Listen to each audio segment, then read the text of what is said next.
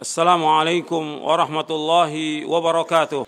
إن الحمد لله نحمده ونستعينه ونستغفره ونعوذ بالله من شرور أنفسنا ومن سيئات أعمالنا. من يهده الله فلا مضل له ومن يضلل فلا هادي له. أشهد أن لا إله إلا الله وحده لا شريك له.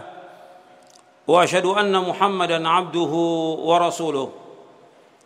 يا أيها الذين آمنوا اتقوا الله حق تقاته ولا تموتن إلا وأنتم مسلمون. يا أيها الناس اتقوا ربكم الذي خلقكم من نفس واحدة وخلق منها زوجها وبث منهما رجالا كثيرا ونساء.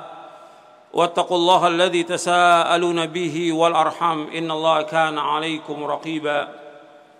يا أيها الذين آمنوا اتقوا الله وقولوا قولا سديدا يصلح لكم أعمالكم ويغفر لكم ذنوبكم ومن يطع الله ورسوله فقد فاز فوزا عظيما. أما بعد فإن أصدق الحديث كتاب الله وخير الهدي هدي محمد صلى الله عليه وعلى آله وسلم وشر الأمور محدثاتها وكل محدثة بدعة وكل بدعة ضلالة وكل ضلالة في النار أيها الإخوة أعزكم الله kepada bapak, ibu-ibu, ikhwan dan akhwat yang mudah-mudahan dirahmati oleh Allah Subhanahu wa taala. Alhamdulillah kita bersyukur kepada Allah Subhanahu wa taala atas segala nikmat yang Allah karuniakan kepada kita, nikmat Islam, nikmat iman, nikmat sehat, nikmat afiah, nikmat dijauhkan oleh Allah dari berbagai macam malapetaka. Nikmat diberikan hidayah di atas Islam dan sunnah. Nikmat diberikan hidayah untuk selalu dan senantiasa menuntut ilmu syar'i yang merupakan kewajiban atas setiap muslim dan muslimah. Kita wajib bersyukur atas semua nikmat dan masih banyak nikmat-nikmat yang lain yang kita peroleh yang tidak akan bisa kita hitung semua yang kita rasakan ini adalah semua nikmat Allah Taala. Apakah udara, makanan, minuman, rezeki atau apa saja. Allah berfirman, "Wa ma bikum min ni'matin famin Allah." Apa saja nikmat yang kamu peroleh, semua datangnya dari Allah Subhanahu wa taala. Allah juga berfirman dalam surah Ibrahim di ayat 34, "Wa in ta'uddu ni'matallahi la tuhsuha." Innal insana ladzalumun kafar. Seandainya kalian menghitung nikmat-nikmat Allah, kalian tidak akan dapat menghitung nikmat-nikmat itu. Sesungguhnya manusia sangat zalim dan manusia sangat kufur. Allah menyebutkan dengan isi mubalaghah bahwa manusia sangat zalim dan manusia sangat kufur. Makanya kita harus menghilangkan kezaliman dari diri kita dengan terus menuntut ilmu syar'i, mentauhidkan Allah, menjauhkan segala macam perbuatan syirik. Kemudian kita menjauhkan perbuatan dosa dan maksiat dan kita harus memenuhi setiap orang yang mempunyai hak atas kita, kita harus penuhi hak itu. Dan kita harus banyak bersyukur atas semua nikmat. Dan nikmat yang paling besar yaitu nikmat Islam dan sunnah. Nikmat yang paling besar yaitu nikmat Islam dan sunnah. Banyak orang Islam tapi tidak mengenal sunnah. Islam tapi enggak mengenal sunnah sehingga mereka bingung dalam hidup ini. Maka kita bersyukur kepada Allah diberikan hidayah di atas Islam dan sunnah. Untuk mengetahui sunnah-sunnah itu kita wajib belajar, kita wajib mengaji, kita wajib menuntut ilmu, kita wajib memahaminya dengan pemahaman yang benar Al-Quran wa sunnah ala fahmis salaf. Ikhwan Fiddin, azakumullah. Bahwa tonggak Islam ini dibangun di atas dua yang pertama husnul qasad. Yang kedua sihhatul faham. Al-Imam Ibn Qayyim menjelaskan dalam kitabnya I'lamul Muwaqqi'in. Dalam kitabnya I'lamul Muwaqqi'in, beliau menjelaskan bahwa tonggak Islam ini dibangun di atas dua. Yang pertama husnul qasad. Yaitu niat kita harus lurus, niat kita harus benar, niat kita harus ikhlas karena Allah. Yang kedua, sehatul faham. Pemahaman yang benar. Kita harus paham tentang Islam ini dengan pemahaman yang benar. Kalau tidak, ya akan sesat. Seperti yang kita lihat. Kemudian ikhwan fiddin, a'azakumullah. Yang harus juga kita pahami bahwa di dalam kehidupan ini ada dua fitnah yang besar. Yang pertama fitnah syahwat. Yang kedua fitnah syubuhat. Fitnah yang besar itu ada dua. Yang pertama fitnah syahwat. Yang kedua fitnah syubuhat. Atau boleh juga dibalik. Yang pertama fitnah syubuhat, yang kedua fitnah syahwat. Yang kita akan bahas dalam kesempatan ini berkaitan dengan fitnah syahwat. Tentang masalah dunia. Yang banyak manusia tertipu dengan dunia ini.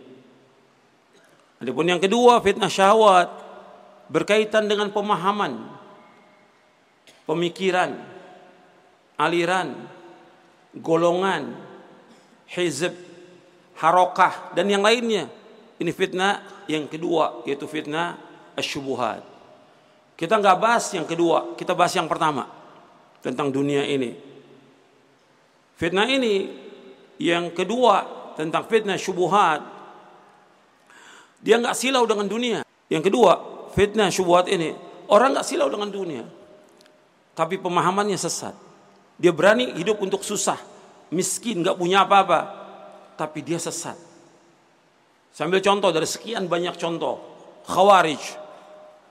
Khawarij yang terkena fitnah di sini bukan syahwat bukan. Yang terkena apa? Syubuhat. Syubuhat yang ada di kepalanya bahwa orang yang tidak berhukum dengan hukum Allah kafir. Sampai mereka mengkafirkan para sahabat radhiyallahu anhu. Mengkafirkan Ali bin Abi Thalib radhiyallahu anhu. Sampai mereka memerangi Ali bin Abi Thalib radhiyallahu anhu. Karena apa? Syubhat. Mereka hidupnya susah, miskin. Mereka hafal Quran, mereka sholat malam, mereka puasa, tapi syubhat di kepalanya itu. Syubhat di hatinya. Sehingga apa? Mereka sesat dari siratul mustaqim. Ini berbahaya. Fitnah syubhat merusak ilmu. Fitnah syubhat merusak ilmu. Ilmunya rusak sudah. Pemahamannya rusak karena nggak mengikuti pemahaman para sahabat yang generasi yang terbaik dari umat ini. Adapun dunia merusak tujuan. Kalau dunia merusak tujuan. Kalau syubhat ini merusak ilmu dan pemahaman, rusak dia. Dan dia, orang yang syubhat ini kena syubhat ini mungkin ilmunya luas. Mungkin punya gelarnya banyak dia. Tapi kena syubhat, merusak ini. Rusak ilmunya, rusak pemahamannya. Tapi kalau ini tentang fitnah syahwat yang kita akan bahas ini, ini merusak tujuan, terhalangi oleh tujuan hidupnya dia. Saya mau tanya kepada antum, Allah menciptakan kita ini untuk apa? Makan, minum, jalan-jalan, main-main. Untuk apa kita? Allah menciptakan kita untuk ibadah. Dengan ibadah itu Allah pasti kasih rezeki. Allah berfirman dalam surah Az-Zariyat, surah 51 ayat 56 sampai ayat 58. Surah Az-Zariyat surah 56, surah 51 ayat 56 sampai 58. Allah berfirman, "Wa ma khalaqtul jinna wal insa illa liya'budun. Ma uridu minhum min rizqin wa ma uridu an yut'imun. Innallaha war-razzaqu dzul quwwatil matin." Tidak aku ciptakan jin dan manusia melainkan untuk beribadah kepadaku. Aku nggak minta rezeki dari mereka kata Allah. Dan aku nggak minta makan dari mereka. Sesungguhnya Allah itu Ar-Razzaq yang selalu dan terus menerus memberikan rezeki. Dzul quwwatil matin yang maha kokoh dan maha kuat. Allah menyebutkan di ayat 56 dari ayat ini, "Wa ma khalaqtul jinna wal insa illa liya'budun." Tidak aku ciptakan jin dan manusia melainkan ber, untuk beribadah kepadaku. Beribadah kepada Allah artinya mentauhidkan Allah. Tidak ada ibadah tanpa tauhid. Maksudnya liya'budun ay liwahiduni. Liya'budun artinya liwahiduni agar mereka mentauhidkan aku. Jadi tidak ada ibadah tanpa tauhid. Ibadah ini harus tauhid. Maka agama Islam adalah agama tauhid. Agama Islam agama tauhid. Dan Allah SWT memerintahkan kepada para nabi dan para rasul alaihi wassalatu wassalam semuanya untuk mendakwakan dakwah tauhid. Semuanya. Semua nabi, semua rasul Nggak ada seorang nabi pun berdakwah untuk yang lain tidak. Semua nabi, semua rasul berdakwah agar manusia beribadah hanya kepada Allah dan mereka menjauhkan segala macam perbuatan syirik. Makanya Allah berfirman dalam surah An-Nahl, surah yang ke-16 ayat 36. Allah berfirman, "Walaqad ba'atsna fi kulli ummatin rasulan an i'budullaha wajtanibut taghut." Faminhum man hadallah wa minhum man haqqat 'alaihi ad-dhalalah fasiru fil ardi fanzuru kaifa kana 'aqibatul mukadzibin. Allah berfirman dalam surah An-Nahl surah 16 ayat 36 Sungguh kami telah mengutus pada setiap umat seorang rasul. Setiap rasul dakwanya ani'budullah. Hendaklah kalian semuanya beribadah hanya kepada Allah. Artinya mentauhidkan Allah. Wajtanibut tagut dan jauhkan tagut tagut artinya kullu ma ubida min dunillah. Kullu ma ubida min dunillah. Setiap apa-apa yang disembah selain Allah itu tauhid. Jadi rukun dalam dakwah itu dua. Rukun dalam dakwah itu dua. Yang pertama seorang dai wajib menegakkan tauhid kepada Allah. Dakwanya harus dimulai dengan tauhid. Ani'budullah. Akan beribadah hanya kepada Allah Taala. Mentauhidkan Allah, mengikhlaskan ibadahnya kepada Allah, itu yang pertama. Jadi fa'budillah mukhlishan lahuddin. Yang kedua, wajtanibu tagut. Wajib menjauhkan semua yang disembah selain Allah. Jauhkan semua kesyirikan. Semua bentuk-bentuk kesyirikan wajib dijauhkan. Itu harus jauhkan. Ini dakwah. Dan kita wajib laksanakan itu. Dan kita harus jelaskan kepada umat ini kita hidup ini untuk ibadah kepada Allah. Bukan untuk main-main. Bukan untuk berfoya-foya. Bukan untuk jalan-jalan. Bukan berarti kalau jalan-jalan nggak boleh. Boleh. Tapi dilihat. Tujuan hidup kita ini Allah ciptakan untuk ibadah. Makanya Allah menuntut kepada kita semuanya agar meluangkan seluruh waktu kita untuk ibadah kepada Allah. Maka dalam hadis Qudsi Allah berfirman, "Ya bena Adam, tafarraq li ibadati amla sadraka ghinan wa asudda faqrak wa illam taf'al mala'tu yadayka syughla wa lam asudda faqrak hadis ini ada di buku ini ada di buku dunia ada kata Nabi SAW Allah telah berfirman wahai anak Adam tafarraq li ibadati luangkan seluruh waktumu untuk ibadah kepadaku kata Allah amla sadraka ghinan Aku akan penuhi dadamu dengan kecukupan. Wa illa taf'al. Kalau engkau tidak lakukan juga tetap sibuk dengan dunia, sibuk dengan dunia tidak sibuk dengan ibadah kepada Allah, malak tu yadaika syughla. Aku akan terus menyibukkan kamu dengan berbagai kesibukan yang gak bermanfaat. Sibuk dengan berbagai macam kesibukan. Walam asudda faqrak dan aku nggak akan tutupi kefakiranmu. Anda perhatikan ini dari ayat Al-Quran dan hadis ini bahwa dengan kita ibadah kepada Allah rezeki itu pasti datang kepada kita. Perhatikan, dengan kita ibadah kepada Allah rezeki itu pasti datang. Tetap kita wajib ikhtiar, wajib cari nafkah, tetap wajib. Tapi rezeki itu pasti datang, pasti.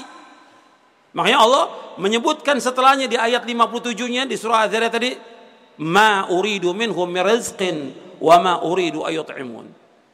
Aku nggak minta rezeki dari kalian. Aku nggak minta makan. Inna Allah warrazzaqu dzul quwwatil matin. Sesungguhnya Allah itu yang maha pemberi rezeki. Razak dzul quwwatil matin yang maha kokoh dan maha kuat. Ikhwani fiddin, azakumullah. Ini harus kita yakini sebagai seorang yang beriman kepada Allah Taala. Ini masalah iman. Kita wajib mengimani bahwa kita hidup ini untuk beribadah kepada Allah dan Allah tidak akan menyia-nyiakan kita. Dimaksud dengan ibadah apa tadi? Yang maksud dengan ibadah apa? Tauhid. Mengikhlaskan ibadah hanya kepada Allah dan menjauhkan segala macam perbuatan syirik. Kalau betul dia ibadah, pasti dikasih rezeki sama Allah. Pasti. Sambil dua contoh dalam Al-Quran. Dalam Al-Quran, contohnya. Allah menyebutkan tentang Maryam. Maryam, ibunya Nabi Isa alaihissalam Allah sebutkan dalam surah Ali Imran. Disebutkan kullama dakhala 'alaiha Zakaria al-mihraba wajada 'indaha rizqa. Qala ya maryam anna laki hadha? Qalat huwa min indillah. Inna Allah yarzuqu man yasha bighairi hisab.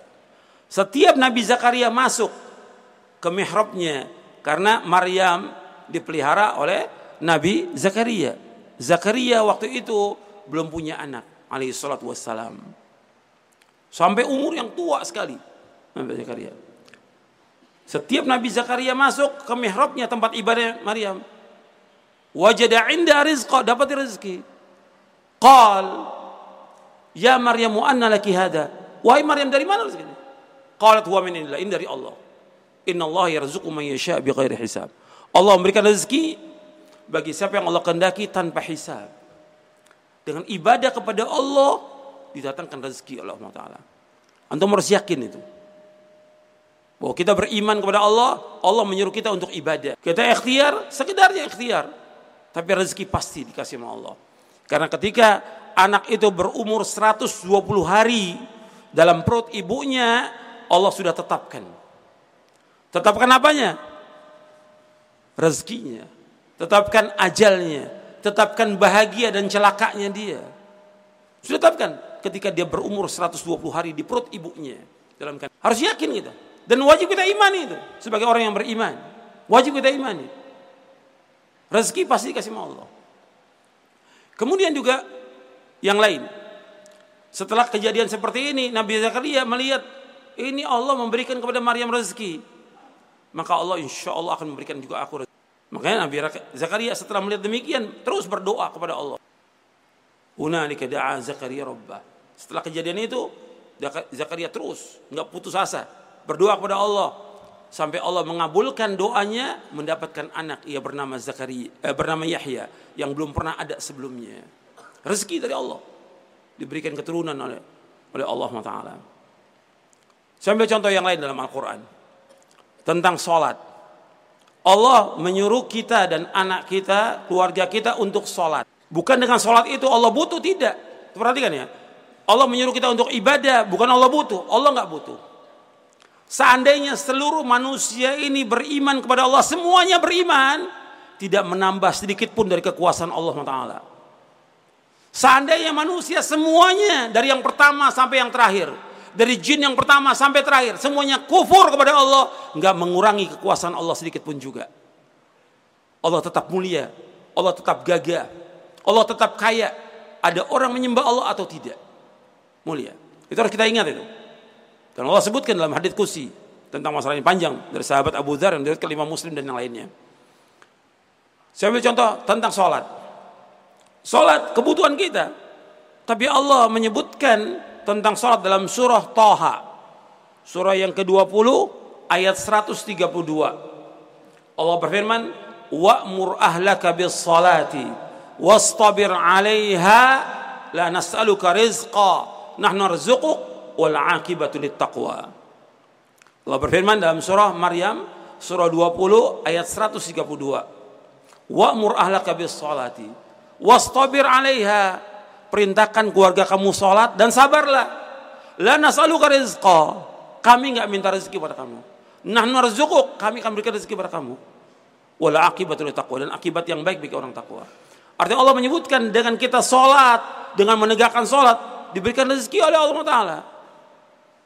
Pasti Allah mengatakan nahnu narzuquk. Kami akan berikan dan akibat yang baik bagi orang takwa. Artinya kita wajib melaksanakan ibadah ini semuanya karena Allah dan kita sudah paham bahwa syarat ibadah itu berapa? Syarat ibadah berapa? Dua. Yang pertama ikhlas, yang kedua itiba. Kita laksanakan ibadah itu dengan ikhlas semata-mata karena Allah. Yang kedua yaitu kita mengikuti contoh Nabi Muhammad sallallahu alaihi wa ala alihi wasallam. Ikhwan fillah, azakumullah. Ini sebagai mukadimah perlu saya sampaikan karena masalah kita beriman kepada Allah dan kondisi kita sebagai umat Islam ini dalam kondisi yang terpuruk dalam segala hal kita wajib sabar karena kita belum menegakkan ibadah kepada Allah Taala dengan sebenarnya. Kita belum menegakkan ibadah. Kalau menegakkan ibadah sebenarnya Allah akan berikan rezeki. Allah akan mudahkan urusan. Bahkan Allah akan jadikan kita sebagai pemimpin di muka bumi ini. Tapi ibadah ini belum dilaksanakan dengan benar. Yang ada manusia ini sudah tertipu dengan dunia. Tertipu dengan dunia. Akhirnya karena sudah tertipu dengan dunia, ya Allah nggak berikan kekuasaan kepada kaum muslimin. Tertipu dengan dunia, sibuk dengan dunia. Itu yang kita lihat. Maka kita bahas tentang ini karena banyak orang tertipu dengan dunia, bukan hanya orang awam. Yang tertipu talabatul ilm. Penuntut ilmu tertipu. Para dai tertipu. Para ustadz tertipu. Para kiai yang lainnya termasuk juga para ulama tertipu dengan dunia. Dunia ini betul-betul manis dan indah, luar biasa. Manis dan indah. Kata Nabi, "Inna dunya hulwatun khadirah wa inna Allah mustakhlifukum fiha fayanzuru kaifa ta'malun fattaqud dunya wattaqun nisa fa inna awwala fitnati bani Israel kanat fin nisa akhrajahu Muslim." Kata Nabi, sesungguhnya dunia itu indah dan manis Indah dan manis. Wa inna Allah mustakhlifukum fiha. Allah jadikan kamu sebagai pengelola bumi ini. Bukan jadi budak, pengelola bumi ini. Makmurkan bumi ini. Yang pokok pertama kali memakmurkan bumi dengan apa tadi? Dengan apa? Ibadah kepada Allah. Memakmurkan bumi ini dengan ibadah kepada Allah. Bukan dengan yang lain, bukan. Kemudian kata Nabi SAW, Allah memberikan kamu untuk mengelola dunia. Wa inna Allah mustakhlifukum fiha. Fayanzuru kaifatam. Allah akan lihat nanti bagaimana kalian beramal. Bukan Allah akan lihat kamu bagaimana kamu kaya atau tidak. Kamu punya apa? Tidak. Allah akan lihat bagaimana kamu beramal di dalamnya di dunia ini. Dunia ini untuk kita beramal untuk akhirat, bukan untuk dunia. Kemudian Nabi ingatkan di sini, Hadisnya ada di buku ini ada. Fattakud dunia. Wattakun nisa. Hati-hati kamu kepada dunia. Hati-hati kepada dunia. Wanita. Hati-hati kepada dunia. Hati-hati kepada manusia. Fa inna awwala fitnati Bani Israel kanat fin nisa. Sesungguhnya awal fitnahnya Bani Israel dengan sebab wanita. Dan fitnah wanita, fitnah yang luar biasa. Dua fitnah yang besar. Yang pertama, fitnah harta. Yang kedua, fitnah wanita. Antum hati-hati. Nabi bersabda SAW dalam hadis yang sahih yang diriwayatkan Imam Tirmidzi dan yang lainnya, "Inna likulli ummatin fitnah wa fitnatu ummati al-mal." Sesungguhnya bagi setiap umat ada fitnah dan fitnah umatku masalah harta. Harta. Kemudian juga Nabi bersabda tentang wanita dalam hadis yang sahih riwayat Bukhari dan Muslim, Nabi bersabda, "Ma taraktu ba'di fitnatan hiya adarru 'ala rijali minan nisa." Muttafaqun alaih. Tidak aku tinggalkan fitnah yang lebih berbahaya bagi laki-laki dibandingkan wanita. Ini dua fitnah yang kita wajib. Yang kita akan bahas di sini tentang fitnah syahwat. Fitnah dunia luar biasa ini. Merusak tujuan. Yang orang mestinya tujuannya karena Allah, tujuannya akhirat, tujuannya sorga, tapi dijual semuanya untuk dunia. Nggak ada harganya lagi. Semuanya. Apa-apa tujuannya dunia sudah. Mestinya kita tujuan akhirat, bukan dunia. Semuanya dunia sekarang ini. Sibuk dengan dunia. Mestinya kita berpikir bagaimana dengan kita melakukan amal soleh ini bisa memasukkan kita ke dalam. Itu yang paling penting. Kita ibadah kepada Allah tujuannya surga. Makanya Nabi SAW memberikan iming-iming kepada para sahabat radhiyallahu anhu majma'in dengan apa? Dengan surga, enggak dunia. Nabi ditawarkan oleh malaikat, apa engkau menjadi rasul dan menjadi raja? Kata malaikat Jibril, tawadhu ya Rasulullah. Tawadhu ya Rasulullah. Apa menjadi hamba dan nabi? Menjadi hamba sekaligus sebagai nabi. Dikawarkan menjadi raja, diberikan fasilitas, nggak mau nabi. Yang dicari dunia. Yang dicari akhirat bukan dunia. Yang dicari itu akhirat bukan dunia. Yang dicari itu sorga bukan dunia. Nah sekarang orang sudah sibuk dengan dunia. Habis waktunya. Semuanya. Yang sudah kaya mestinya dia banyak melakukan ibadah kepada Allah Taala sudah sibuk dengan dunia. Yang miskin juga demikian sibuk dengan dunia. Mesti tambah dia dekat dengan Allah. Kehidupan kita sudah dibagi oleh Allah Taala. Makanya yang harus kita bagaimana kita ini kaya kaya hati, bukan kaya harta. Kata Nabi SAW, "Laisal ghina an kathratil ard, walakin ghina ghina." Kaya itu bukan banyaknya harta, tapi kaya itu bagaimana hati kita kaya. Cukup dengan apa yang Allah berikan kepada kita. Ini yang kita akan bahas, ikhwan fillah, azakumullah tentang dunia. Sebab ini udah banyak merusak tujuan kita. Bukan hanya orang awam tadi saya katakan, hatta para dai, para ustadz sudah sibuk dengan dunia, ingin kedudukan, ingin jabatan, ingin harta, ingin ini. Ini masuk bagian daripada syirik. Kalau semua keinginan untuk dunia bagian daripada syirik, maka dalam kitab tauhid, dalam kitab tauhid dijelaskan oleh Syekh Muhammad bin satu bab setelah bab ria setelah itu babnya bahwa minasyirki iradatul insan bi amalihi ad-dunya termasuk syirik orang beramal itu untuk dunia semua tujuan untuk dunia bukan karena Allah lagi dia sholat bukan karena Allah dia sedekah bukan karena Allah dia dakwah bukan karena Allah dia ngajar bukan karena Allah semua dunia yang dicari ini disebutkan minasyirk termasuk syirik. Orang beramal untuk dunia. Kita mesti beramal untuk akhirat. Dan Nabi antum perhatikan selalu kaitkan kaitkan dengan akhirat. Kaitkan dengan enggak kaitkan dengan dunia. Dan dunia antum perhatikan tidak pernah dipuji oleh Allah Taala. Dunia enggak pernah dipuji oleh Rasulullah SAW. Yang ada laknat. Yang melalaikan manusia dari ingat Allah. Enggak pernah ada pujian tentang dunia. Dan dunia ini Allah menyebutkan dengan apa? Mata'ul gurur, kehidupan yang menipu. Dan ternyata sudah banyak yang tertipu. Allah abadikan dalam Al-Quran supaya manusia nggak tertipu. Tapi banyak manusia tertipu. Kita jangan tertipu. Maka kita bahas ini supaya kita tambah yakin. Yakin kepada Allah Taala, yakin kepada umul akhir, yakin kepada sorga, yakin bahwa apa yang kita laksanakan ibadah ini benar karena Allah. Kita berada di jalan yang lurus. Kita harus mentauhidkan Allah Taala. Melaksanakan ibadah kepada Allah. Kita ikhtiar, usaha tetap wajib, tapi sekedarnya. Jangan tertipu dengan dunia. Ikhwan fillah, azakumullah. Kita bahas kalau saya mau kasih mukadimah panjang ini ya. Nanti habis sudah. Ya. Kalau mau kasih mukadimah panjang ini. Tapi kita bahas bukunya. Kita nggak semua kita bahas karena panjang ini. Ya pembahasannya setiap bab perlu waktu satu jam setiap bab. Tapi saya ringkas saja. Allah menyebutkan dalam Al-Quran bahwa dunia ini adalah kesenangan yang semu. Untuk melihat di bab yang pertama, ada berapa ayat, enggak semua ayatnya saya baca. Untuk melihat berapa ayat Al-Quran itu. Dan Allah menyebutkan, saya ambil ayat yang pertama. I'lamu annamal hayatud dunya la'ibun walahun wa zinatun wa tafakhurun bainakum وتكاثر في الأموال والأولاد كمثل غيث أعجب الكفار نباته ثم يهيج فترى مصفرا ثم يكون حطاما وفي الآخرة عذاب شديد ومغفرة من الله ورضوان وما الحياة الدنيا إلا متاع الغرور Ketahuilah, sesungguhnya kehidupan dunia hanyalah permainan dan sendau gurau, perhiasan dan saling berbangga di antara kalian, serta berlomba-lomba dalam kekayaan dan anak keturunan seperti hujan yang tanaman-tanamannya mengagumkan para petani. Kemudian tanaman itu menjadi kering dan kamu lihat warnanya kuning, kemudian menjadi hancur. Dan di akhirat nanti ada adab yang keras dan ampunan dari Allah serta keridoannya dan kehidupan dunia tidak lain hanya kesenangan yang palsu, kehidupan yang menipu.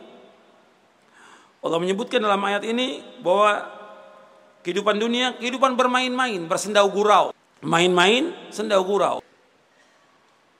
Kemudian perhiasan, berbangga-bangga, memperbanyak harta. Semua orang hidupnya memperbanyak harta. Kemudian anak-anak, ini maksudnya anak-anak yang melalaikan manusia dari mengingat Allah. Kalau soal banyak anak, dianjurkan oleh Nabi Muhammad SAW. Perhatikan itu. Soal banyak anak, Nabi menganjurkan.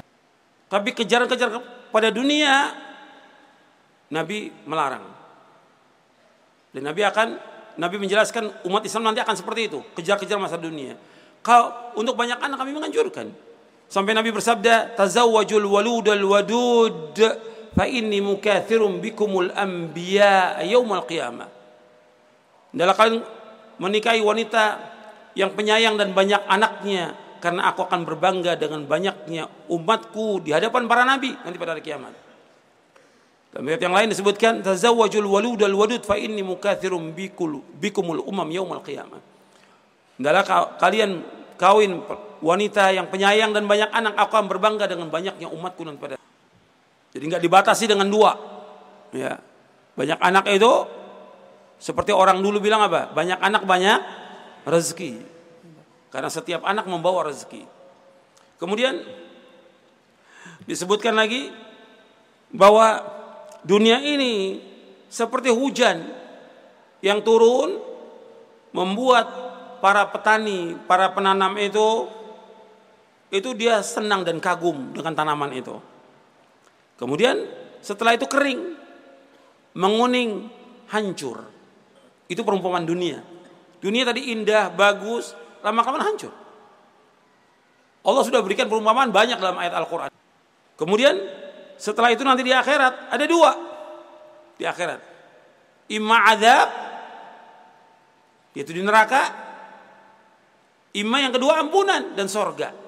Dua aja. Neraka diadab oleh Allah atau ampunan dan dimasukkan ke sorga. Kemudian terakhirnya Allah ingatkan wamal hayatud dunya illa mataul gurur. Dan tidak kehidupan dunia melainkan kehidupan yang menipu.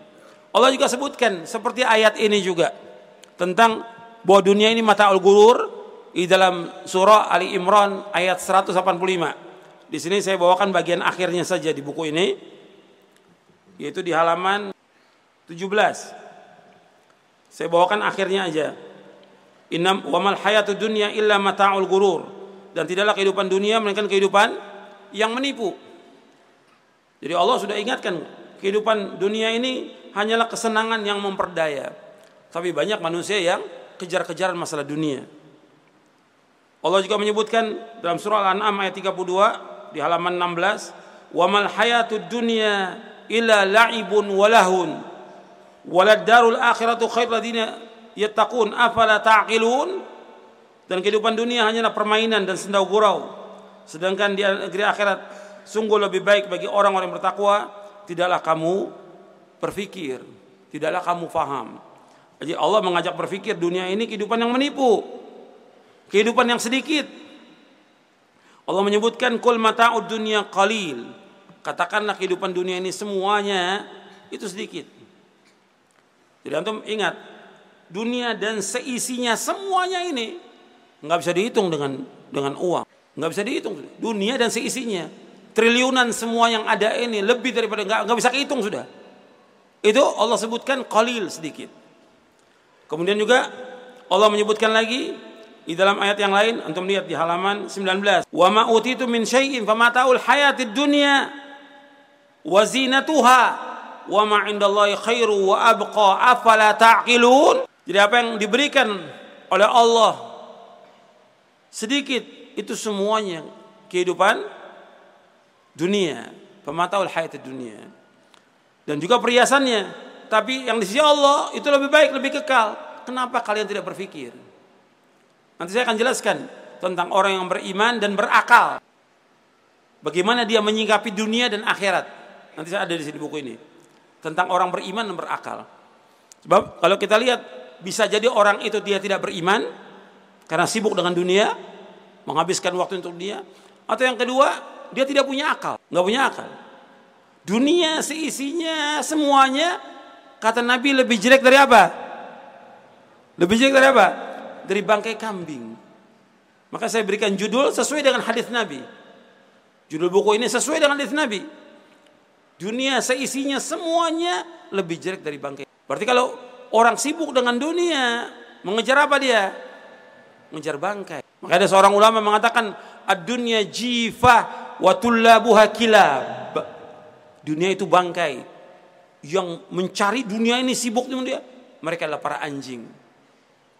Kita jangan. Sekedarnya dunia. Lihat, contoh kita siapa? Rasulullah SAW. Bagaimana kehidupan? Kehidupannya sederhana. Sederhana. Nanti ada di sini, buku ini ada. Saya jelaskan. Bagaimana kehidupan Rasul dan para sahabatnya. Bahkan ditawarkan. Ditawarkan dunia. Nggak mau. Yang dicari apa? Yang dicari apa? Akhirat, surga. Orang beriman hidupnya untuk akhirat, bukan untuk dunia. Kalau orang kafir, orang kafir hidupnya untuk dunia. Maka kita jangan tertipu dengan orang kafir. Orang kafir dikasih semuanya untuk dunia. Kita nggak bisa menyamakan diri dengan orang kafir, nggak bisa. Hidup kita untuk akhirat. Maka kita menyibukkan ibadah kepada Allah Subhanahu wa taala. Dan Nabi juga bersabda SAW, Ad-dunya sijul mu'min wa jannatul kafir. Dunia itu penjara bagi orang mukmin dan surga bagi orang kafir. Hadis sahih riwayat Muslim dari sahabat Abu Hurairah radhiyallahu an. Hadis ini sahih. Diriwayatkan juga oleh yang lainnya, bukan hanya Muslim yang meriwayatkan banyak yang meriwayatkan. Nabi menyebutkan dunia ini penjaranya orang beriman, surganya orang kafir. Artinya orang beriman itu terbatas. Ada kewajiban, ada larangan, ada batasan-batasan syar'i. Nggak bisa bebas. Dikatakan surga bagi orang kafir, orang kafir apa aja dilakukan.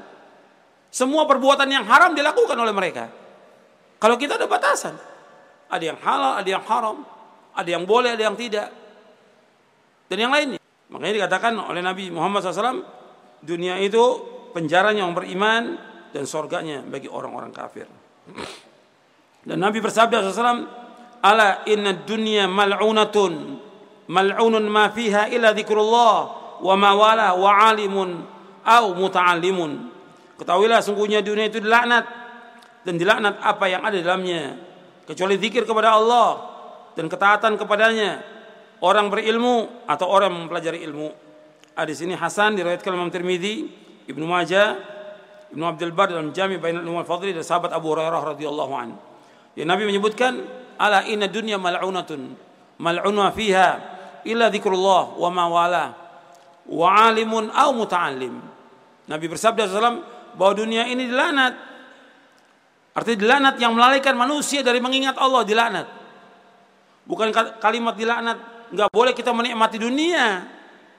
Boleh menikmati dunia. Dilaknat yang melalaikan manusia dari apa? Dari mengingat Allah. Melalaikan manusia dari kewajiban yang wajib dia laksanakan. Terlaknat itu. Kalau dia melalaikan dunia itu, terlaknat. Yang terhindar dari laknat, itu zikir kepada Allah. Zikir yang sesuai dengan sunnah Nabi SAW. Bukan zikir yang dibuat-buat.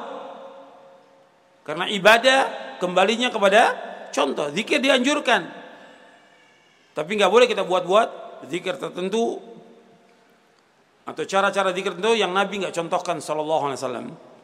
Yang kedua yaitu melaksanakan ketaatan kepada Allah, melaksanakan apa yang dicintai Allah.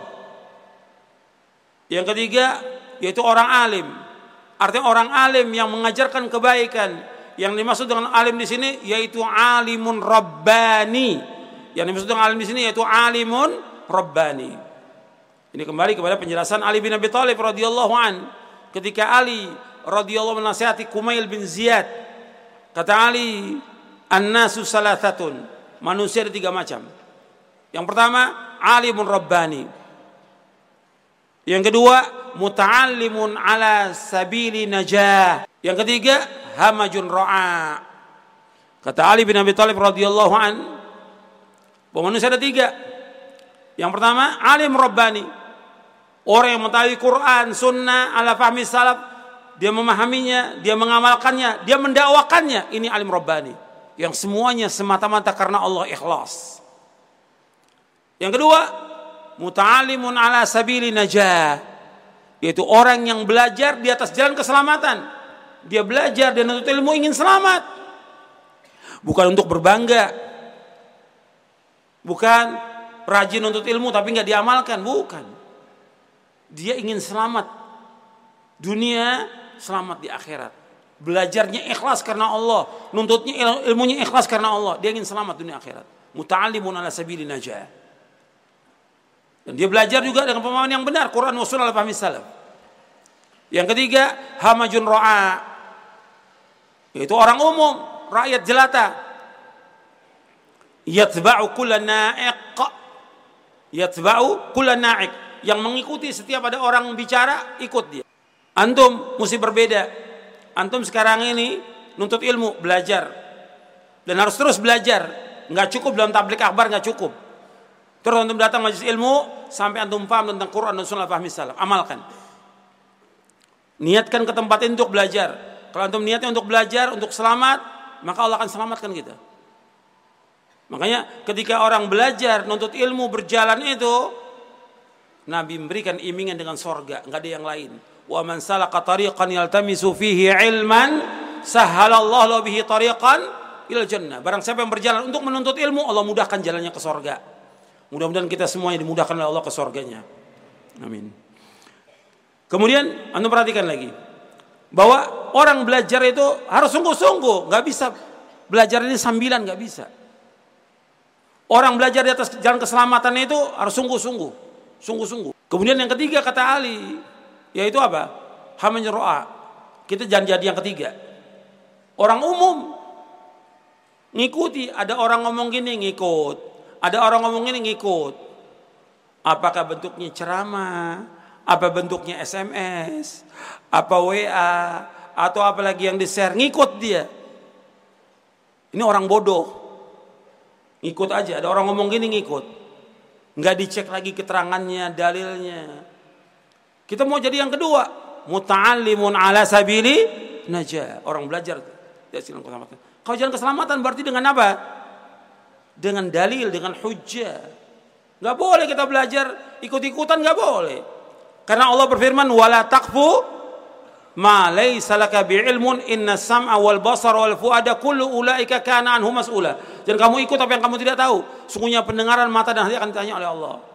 Saya melihat banyak yang ngaji, nuntut ilmu, bahkan sebagian ustad. Jadi apa? Jadi hamajun ro'a. Orang awam rakyat jelata nggak ngerti, ngikut aja. Mesti nggak boleh begitu. Kita belajar ini dengan dalil. Ada dalil kita minta nggak ada, nggak boleh kita ikut. Ini begitu agama mengajarkannya. Ini enggak sekarang ini udah orang ngomong gini ngikut, orang ngomong ini ngikut. Kayaknya nggak punya pendirian, nggak punya sikap, nggak punya akidah, nggak punya manhaj. Ini yang dibenci oleh Allah Taala. Kita harus punya sikap dalam kita beragama. Ada dalil kita ikut, dalil kita nggak usah ikut kita. Allah yang melarang dalam Al-Quran. Makanya kita belajar ini di atas jalan keselamatan, bukan kata orang. Kata ustadz ini begini, kata ustadz begini. Lalu antum kembali lagi seperti dulu dalil. Minta dalilnya, mana hujjah dalam kita beragama. Dan amalkan, kita ingin selamat. Makanya yang dikecualikan di sini yang keempat ini yaitu muta yaitu orang belajar di atas jalan keselamatan. Ini penting saya ingatkan karena banyak yang belajar ini ya ikut-ikutan aja. Jadi mukolit sekarang ini. Mukolit, orang yang taklid nggak akan jadi ulama selama-lamanya. Seperti dijelaskan oleh Imam Ibnu Qayyim dalam kitabnya I'lamul Muwaqqi'in. Ini bukan hanya pelajar aja. Para ustadz juga sama jadi muqallidin sekarang ini. Di mana ada teriakan ngikut dia. Allah musta'an la haula wala quwwata illa billah. Yang kedua kita bahas celaan terhadap dunia. Allah Subhanahu wa taala dalam Al-Qur'an dan Nabi Muhammad SAW dalam sunnahnya nggak pernah memuji dunia sama sekali nggak pernah. Tidak ada satupun ayat atau hadis memuji tentang dunia. Nggak ada sama sekali. Bahkan di hadis yang tadi disebutkan oleh Nabi bahwa dunia ini mal'unah dilaknat. Enggak ada. Pujian, semua celaan. Bahkan dunia ini Allah katakan sangat kecil, sedikit. Fama mataul hayati dunia fil akhirati illa qalil. Kenikmatan hidup dunia ini dibandingkan dengan kehidupan akhirat sedikit. Sedikit nggak ada harganya. Tapi kalau kita lihat manusia ini sibuk dengan apa? Dengan dunia. Sibuk. Antum sholat Jumat. Nabi Muhammad SAW kalau sholat Jumat baca surah apa? Yang pertama surah Al-A'la. Yang kedua surah Al-Ghashiyah. Di surah Al-A'la disebutkan ayatnya. Bal tu'thirunal hayata dunya wal akhiratu khairu wa abqa. Bahkan kalian lebih mengutamakan kehidupan dunia. Padahal akhirat lebih baik, lebih kekal. Itu setiap Jumat Nabi ingat. Kalian lebih utamakan dunia. Sibuk dengan dunia akhirat lebih baik lebih Kalau kita lihat sibuk udah. Nggak sibuk ngaji, nggak sibuk belajar, nggak sibuk baca, sibuk dengan dunia. Dari mulai pagi sampai sampai malam dia kerja. Dagang, usaha ini segala macam. Semuanya. Tapi kadang-kadang dikemas dengan apa? Dikemaskan untuk umat, dikemas untuk ini, untuk nolong orang. Pada katanya apa? Untuk dunia. Tujuannya apa? Dunia. Allah yang tahu tentang hati manusia. Tapi nyatanya seperti itu. Makanya dunia ini dicela. Dunia ini kalau kita bandingkan akhirat itu seperti lautan, dunia ini seperti air yang kita celupkan segini nih. Ini dunia.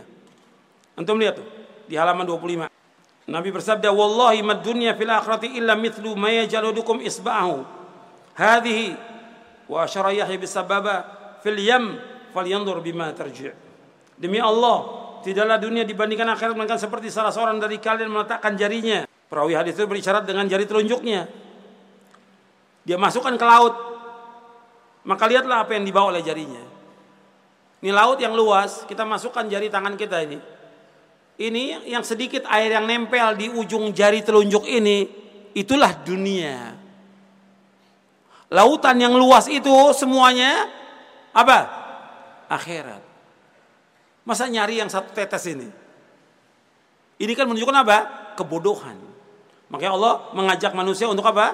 Untuk berpikir. Berpikir. Dan dunia ini hanya bermain-main aja orang. Wa ma hadhil hayatud dunya illa lahun wa la'ib. Wa inna daral akhirata lahiyal hayawan law kanu ya'lamun. Kehidupan dunia hanya sendau gurau dan permainan. Sesungguhnya negeri akhirat itulah kehidupan yang sebenarnya seandainya mereka mengetahui. Jadi kehidupan dunia ini main-main. Sendau gurau. Kan banyak tuh orang main-main. Maka dakwah ini nggak bisa dipakai main-main. Dakwah serius. Sungguh-sungguh nggak bisa main-main. Ajak orang serius untuk belajar agama, belajar Quran, belajar Sunnah. Banyak yang belum kita baca dan belum dibahas dari Al-Quran. Dari 6000 lebih ayat, paling cuma berapa yang kita paham. Hadis Nabi, Sahih Bukhari, Muslim, banyak yang belum kita baca. Kok orang diajak untuk dunia, senang-senang. Diajak ke akhirat, untuk paham.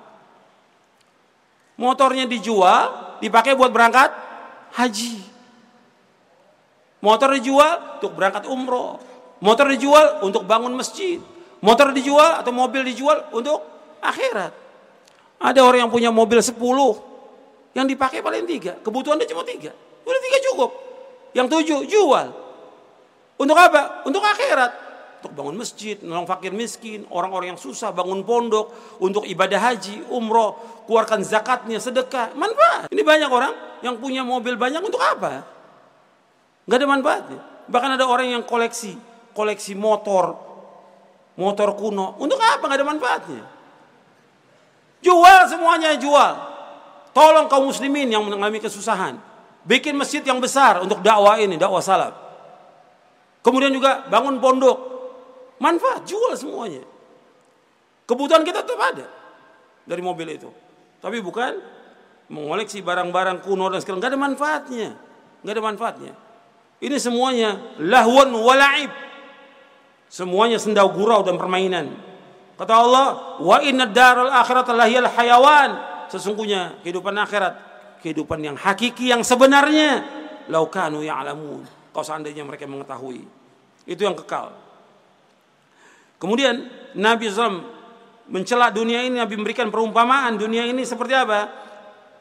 Lebih jelek dari bangkai kambing. Antum lihat di halaman 26 27. Ini yang jadi judul dari bab dari buku ini. Jadi Nabi masuk berjalan melewati pasar, manusia berada di sisi beliau. Beliau berjalan melewati anak kambing jantan yang kedua telinganya kecil. Sudah mati, sudah jadi bangkai. Nabi megang telinganya, Nabi berkata kepada para sahabat, "Ayyukum yuhibbu anna hadha lahu bidirham?" Kata Nabi, siapa di antara kalian yang suka, yang ingin membeli bangkai kambing ini seharga satu dirham? Ini paling murah sudah satu dirham. Dirham itu mata uang perak, dinar mata uang emas. Kemudian kata para sahabat sama sekali tidak tertarik apa yang kami bisa perbuat dengan bangkai ini.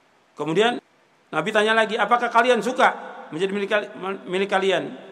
Orang-orang berkata, demi Allah kalau anak kambing jantan ini hidup pasti cacat. Karena kedua telinganya kecil, apalagi telah mati, kami nggak akan mau. Maka Nabi bersabda, "Fawallahi la dunya ahwanu 'ala Allah min hadza 'alaikum." Demi Allah, sungguh dunia itu lebih hina bagi Allah daripada bangkai anak kambing ini bagi kalian. Demi Allah, sungguh dunia ini lebih hina bagi Allah daripada bangkai anak kambing ini bagi kalian. Hadis ini sahih diriwayatkan oleh Muslim. Artinya mengatakan bahwa dunia itu lebih hina, lebih jelek dari bangkai kambing yang mengatakan siapa? Rasulullah SAW. Nabi menyebutkan demikian supaya orang ini tidak tamak pada dunia. jijik kepada dunia, bangkai. Kenapa dia menyibukkan diri dengan dunia? Kenapa dia tamak pada dunia? Dan dunia ini nggak ada harganya meskipun hanya seberat sayap nyamuk. Kata Nabi SAW, untuk lihat hadis di bawahnya, "Lau kanatid dunya ta'dilu 'inda Allah janaha ba'udatin, ma saqa kafiran minha syarbata ma'in." Kalau seandainya dunia ini berharga di sisi Allah sebanding dengan sayap nyamuk, maka Allah tidak akan memberikan minum sedikit pun kepada orang kafir. Hadis sahih dari Tirmidzi dan Ibnu dari Sahal bin Sa'ad. Artinya, kalau dunia ini ada harganya, orang kafir nggak dikasih minum. Dikasih segelas ini, nggak mungkin, nggak akan dikasih sama Allah. Karena dunia nggak ada harganya, maka orang kafir bukan dikasih minum aja, Dikasih semua rezeki. Dikasih semuanya fasilitas, semuanya. Bahkan kalau sampai Allah kehendaki, Allah buat rumah mereka seperti perak dan emas orang kafir itu. Cuma Allah khawatir manusia akan ikut kepada kekafiran. Kalau Allah kehendaki, Allah jadikan rumahnya orang kafir semuanya itu dari perak dan emas. Kalau Allah mau. Tapi Allah khawatir manusia akan ikut kepada kekafiran. Itu Allah sebutkan di dalam surah Az-Zukhruf. Kemudian dunia ini diumpamakan seperti apa? Seperti kotoran yang keluar dari anak Adam. Jadi Nabi yang mengatakan demikian. Nabi mengatakan tentang makanan yang telah dimakan itu kata Nabi Inna Allah Ta'ala daraba ma yakhruju min ibn Adam mathalan dunia. Sesungguhnya Allah membuat perumpamaan untuk dunia seperti sesuatu kotoran yang keluar dari tubuh manusia. Ini hadis sahih di ghairihi, dari Imam Ahmad. Berarti jijik nggak nih?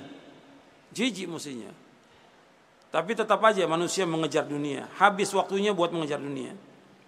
Yang ketiga tentang fitnah dunia, fitnah harta. Ini fitnah yang luar biasa fitnah ini. Dunia ini fitnah. Tadi sudah saya bawakan hadisnya. Antum lihat di halaman 34. Halaman 34. Nabi bersabda SAW, Inna likulli ummatin fitnah, wa fitnatu ummati al-mal. Setiap umat memiliki fitnah ujian dan fitnah umatku masalah harta. Hadis sahih Tirmizi, Ahmad, Ibn Hibban dan yang lainnya. Antum lihat ya. Ini fitnah harta mengenai semuanya. Orang awam, penuntut ilmu, para dai, para ulama terfitnah dengan uang. Makanya hati-hati ini. Masalah uang akan ditanya oleh Allah dari mana diperoleh dan ke mana dihabiskan. Antum ingat itu. Kalau masalah harta dua, dan sering saya sampaikan kepada antum bahwa manusia di hari kiamat nanti akan ditanya oleh Allah berapa perkara? Empat.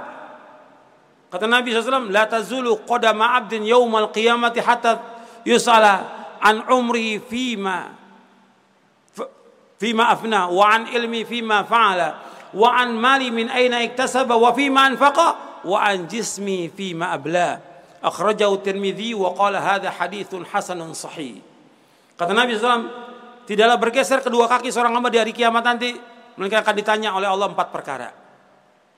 Yang pertama ditanya tentang umur. Dihabiskan buat apa umur itu?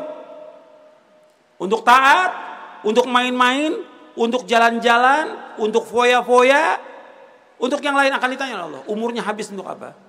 Ini banyak sekarang waktunya ini habis buat apa? Buat jalan-jalan, buat nonton, buat main game, main HP, habis tuh waktunya itu. Itu akan ditanya oleh Allah waktu itu. Yang kedua akan ditanya tentang apa? Tentang apa? Wa'an ilmi fi mafa'al. Ilmunya diamalkan atau tidak? Nuntut ilmu atau tidak dia? Banyak orang kan nuntut ilmu, nggak belajar. Kemudian setelah nuntut ilmu, diamalkan atau tidak? Yang ketiga akan ditanya oleh Allah, wan malihi min aina iktasaba wa fima anfaqa hartanya dari mana diperoleh dan ke mana dihabiskan? Harta dua pertanyaannya. Dari mana tuh? Dari yang halal apa dari yang haram? Apa dari yang syubhat? Atau punya orang? Atau punya kantor? Atau punya masjid? Atau punya yayasan? Atau punya pondok? Dari mana itu harta itu diambil? Akan ditanya oleh Allah. Ini semua pengurus masjid, pengurus yayasan, pengurus pondok, dan yang lainnya dan juga yang kerja di kantor-kantor akan ditanya harta itu dari mana? Dia peroleh dari mana? Halal atau haram? Wafima anfaqa dan ke mana dihabiskan harta itu? Ke mana dihabiskan? Untuk di jalan Allah apa di jalan syaitan? Apakah untuk menegakkan tauhid atau menegakkan syirik. Atau dia bantu untuk menegakkan sunnah atau membantu bid'ah. Atau dia membantu untuk berfoya-foya maksiat akan ditanya oleh Allah harta itu digunakan untuk apa. Dan yang keempat akan ditanya wa an jismihi fi abla tentang tubuhnya, capeknya, lelahnya, letihnya untuk apa dia? Capeknya untuk apa? Hadis ini sahih dari Imam Tirmidzi. Jadi antum perhatikan masalah harta ini fitnah, fitnah. Orang bisa berkelahi gara masalah harta. Orang bisa putus hubungan keluarga masalah apa? Harta. Orang bisa bunuh-bunuhan karena masalah harta waris. Harta ini fitnah. Luar biasa. Makanya antum perhatikan itu. Banyak juga orang-orang yang sibuk hidupnya dengan utang. Ini hati-hati ini utang. Utang wajib dibayar. Kalau dia mati sampai penuh dengan utang, jangankan banyak utangnya, dua dinar aja Nabi nggak mau sholatkan kok. Itu apa perhatikan tuh. Dua dinar dia nggak bayar, Nabi nggak mau sholatkan jenazah. Dan untuk perhatikan orang yang mati syahid itu mestinya dia masuk ke mana? Sorga tapi tertahan dia, nggak diampunkan dosanya oleh Allah karena masih ada utang. Semua diampunkan kecuali satu, utang nggak diampunkan. Sampai selesai urusannya nanti di akhirat. Dalam hadis yang sahih riwayat Muslim Nabi bersabda, "Yughfaru lisyahidi kullu dzanbin illa dain." Diampunkan semua orang mati syahid dosa-dosanya kecuali satu, utang. Dan bisa orang diseret ke neraka dengan sebab utangnya nanti. Karena dia nggak bayar. Nanti dia harus bayar orang-orang yang dia berhutang itu dengan apa? Dengan amal solehnya sampai dia bangkrut dan nggak punya harta lagi, nggak punya amal soleh lagi. Kemudian Nabi menyebutkan, antum lihat hadis lagi, bahwa Nabi ini nggak khawatir umat Islam ini fakir, Nabi nggak khawatir. Nabi bersabda, "Fa wallahi mal faqra akhsha 'alaikum, walakin akhsha 'alaikum an tubsata dunya 'alaikum kama busitat 'ala man kana qablakum, fatanafasuha kama tanafasuha fatuhlikakum kama ahlakathum." Demi Allah, bukan kefakiran aku takut sekalian. Tapi aku khawatir jika dunia dibentangkan, diluaskan sekalian seperti telah diluaskan oleh orang-orang sebelum kalian. Lalu kalian berlomba-lomba untuk mendapatkannya sebagaimana mereka berlomba-lomba mendapatkannya. Kemudian dunia itu membinasakan kalian sebagaimana ia membinasakan mereka. Hadis ini sahih riwayat Bukhari Muslim dari sahabat Urwah bin Zubair dari Zubair bin Awam dari bapaknya. Antum perhatikan di sini bahwa Nabi nggak khawatir umatnya fakir, Nabi nggak khawatir. Tapi yang Nabi khawatir kalau mereka ini diberikan kekayaan oleh Allah, diluaskan. Orang Islam boleh kaya, boleh. Tapi digunakan harta itu untuk di jalan Allah.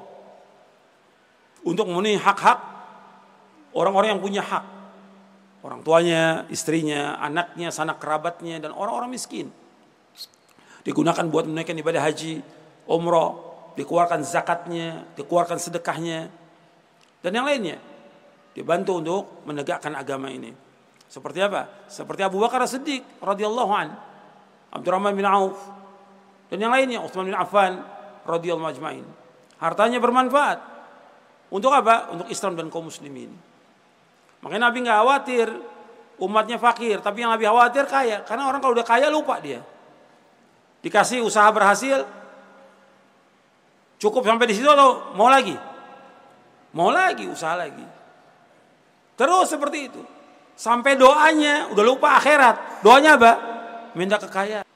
Ya Allah, sampai doanya di depan Ka'bah, ya Allah, saya sudah dapat ruko ya Allah, minta ruko lagi ya Allah. Depan Ka'bah. Ini terbukti bukan kata orang. Artinya orang yang cerita sendiri, saya doa Ustaz depan Ka'bah minta ruko lagi. Saya bilang jangan. Minta akhirat, minta akhirat. Yang paling penting, cukup dunia, sekedarnya aja, cukup. Jangan bikin usaha lagi, bikin usaha lagi, habis sudah. Waktunya habis, pikiran habis, tenaga habis, akhir apa? Utang ujung-ujungnya. Sedikit cukup. Ini banyak kalau antum lihat dalam kehidupan ini banyak orang seperti itu. Yang minta nasihat juga banyak, bukan satu ya, puluhan. Saya bilang cukup dengan apa yang ada. Ya saya bisa Ustaz, berhasil insya Allah. Belum tentu berhasil. Cukup dengan sekarang yang ada antum usaha ini cukup nggak? Cukup. Buat istri antum, orang tua, anak, keluarga, sanak family dan membantu orang cukup. Cukup udah cukup. Ketika minta lagi, nah itu mulai. Mulai rusak ibadahnya. Udah nggak awalnya ke masjid lima waktu. begitu sibuk dengan dunia cuma tiga waktu. Sibuk lagi nggak sama sekali ke masjid. Nggak sama sekali. Tadinya bangun malam nggak bangun malam lagi. Tadi baca Quran nggak baca Quran lagi. Sibuk dengan dunia. Habis waktunya. Maka Nabi udah ingatkan, aku nggak khawatir kalian fakir, tapi aku khawatir kalian diberikan kekayaan. Kejar-kejar masalah dunia. Lantas membinasakan. Nabi juga menyebutkan, antum lihat di halaman 35, inna ma'ahlaka man kana qablakum ad-dinar wa dirham wa huma muhlikakum. Sesungguhnya orang-orang sebelum kalian itu telah dibinasakan oleh apa? Dinar dan dirham. Artinya dinar dan dirham telah membinasakan orang sebelum kalian dan keduanya akan membinasakan kalian. Artinya keduanya itu akan membinasakan kalian. Wahuma muhlikakum.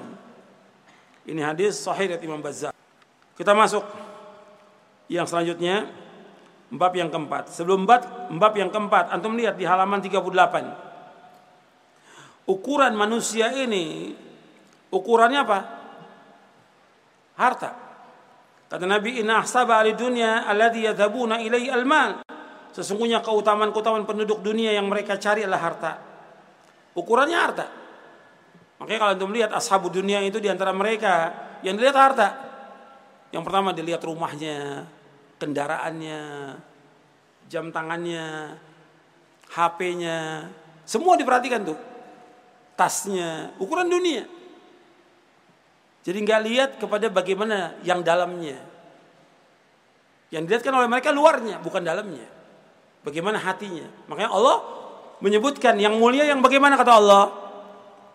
Inna akramakum indallahi atqakum. Orang yang mulia di antara kalian yang takwa. Bukan yang kaya. Bukan yang punya mobil banyak. Bukan yang punya rumah mewah, bukan. Tapi yang takwa kepada Allah. Itu yang mulia Allah.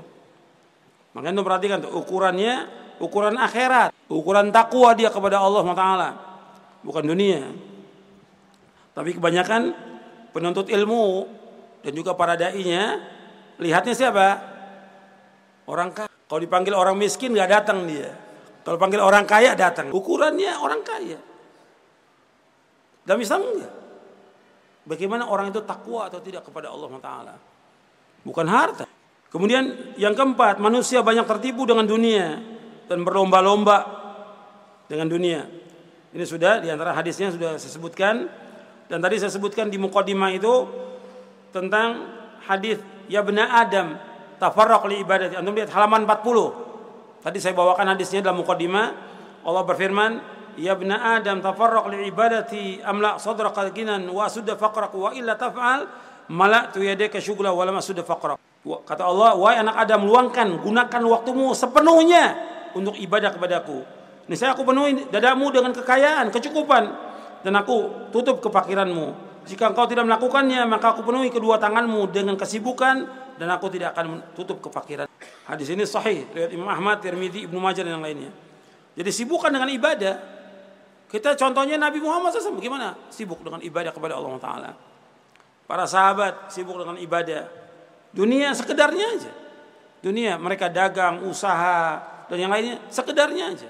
Para ulama salaf juga demikian. Tidak disibukkan dengan dunia. Habis waktunya buat dunia. Kerja, dagang, mencari nafkah wajib, wajib, wajib. Karena dia wajib untuk memberikan nafkah kepada istrinya, anaknya, orang tuanya, wajib. Tapi sekedarnya, jangan habis waktu buat itu. Harus bisa bagi waktu, waktu untuk ngaji, waktu untuk ibadah kepada Allah, waktu untuk baca, waktu untuk zikir, waktu untuk sholat dan yang lainnya. Itu harus dan gak boleh sampai dilalaikan harta kita eh, jangan sampai dilalaikan harta dan anak ini melalaikan kita dari zikir kepada Allah. Jangan sampai harta dan anak kita melalaikan kita dari zikir kepada Allah. Orang yang melakukan demikian kata Allah orang rugi. Untuk melihat di halaman 40 di atas. Allah berfirman, "Ya ayyuhalladzina amanu la tulhikum amwalukum wala auladukum an dzikrillah. Wa man yaf'al dzalika faulaika humul khasirun." Wahai orang-orang beriman, janganlah harta kalian dan anak kalian melalaikan kalian dari zikir kepada Allah. Barang siapa yang melakukan demikian maka dia termasuk orang-orang yang rugi. Kemudian Nabi menyebutkan tentang orang yang sibuk dengan dunia dengan orang yang tujuan hidupnya untuk akhirat.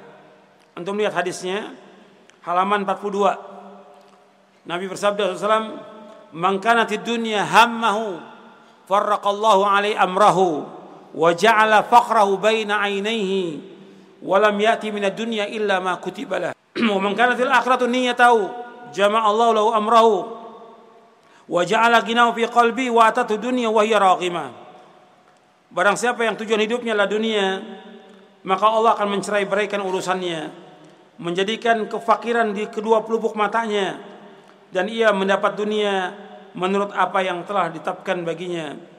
Dan barang siapa yang niat tujuan hidupnya adalah negeri akhirat Allah akan mengumpulkan urusannya menjadikan kekayaan di hatinya dan dunia akan mendatanginya dalam keadaan hina hadis sahih dari Imam Ahmad Ibnu Majah Ibnu Hibban dan Baihaqi antum lihat di sini Nabi menyebutkan barang siapa yang tujuan hidupnya dunia, pagi aja pikirannya di dunia sudah.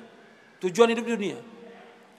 Maka kata Nabi Muhammad Farraqallahu alaihi amrah. Dicerai beraikan semua urusannya. Gak ada yang beres urusan. Kemudian, waja'ala faqrau baina ainihi. Allah jadikan kefakiran di depan kedua pelupuk matanya. Selalu merasa kurang. Selalu merasa tidak cukup. Antum lihat orang-orang kaya. Ketemu kita itu belum apa-apa udah ngeluh. Nggak nanya, nggak apa, udah ngeluh. Saya ini kurang, ini kurang. Udah semua dikasih sama Allah. Nggak ada syukurnya. Orang-orang itu. Merasa tidak cukup. Allah jadikan kefakiran di depan kedua peluk matanya. Mestinya orang beriman. Alhamdulillah. Saya dapat rezeki. Alhamdulillah saya bersyukur dengan nikmat ini. Para sahabat bersyukur. Nabi aja punya di rumahnya punya dua. Air dan kurma syukur kepada Allah Taala. Nggak ada yang lain. Para sahabat demikian kehidupannya.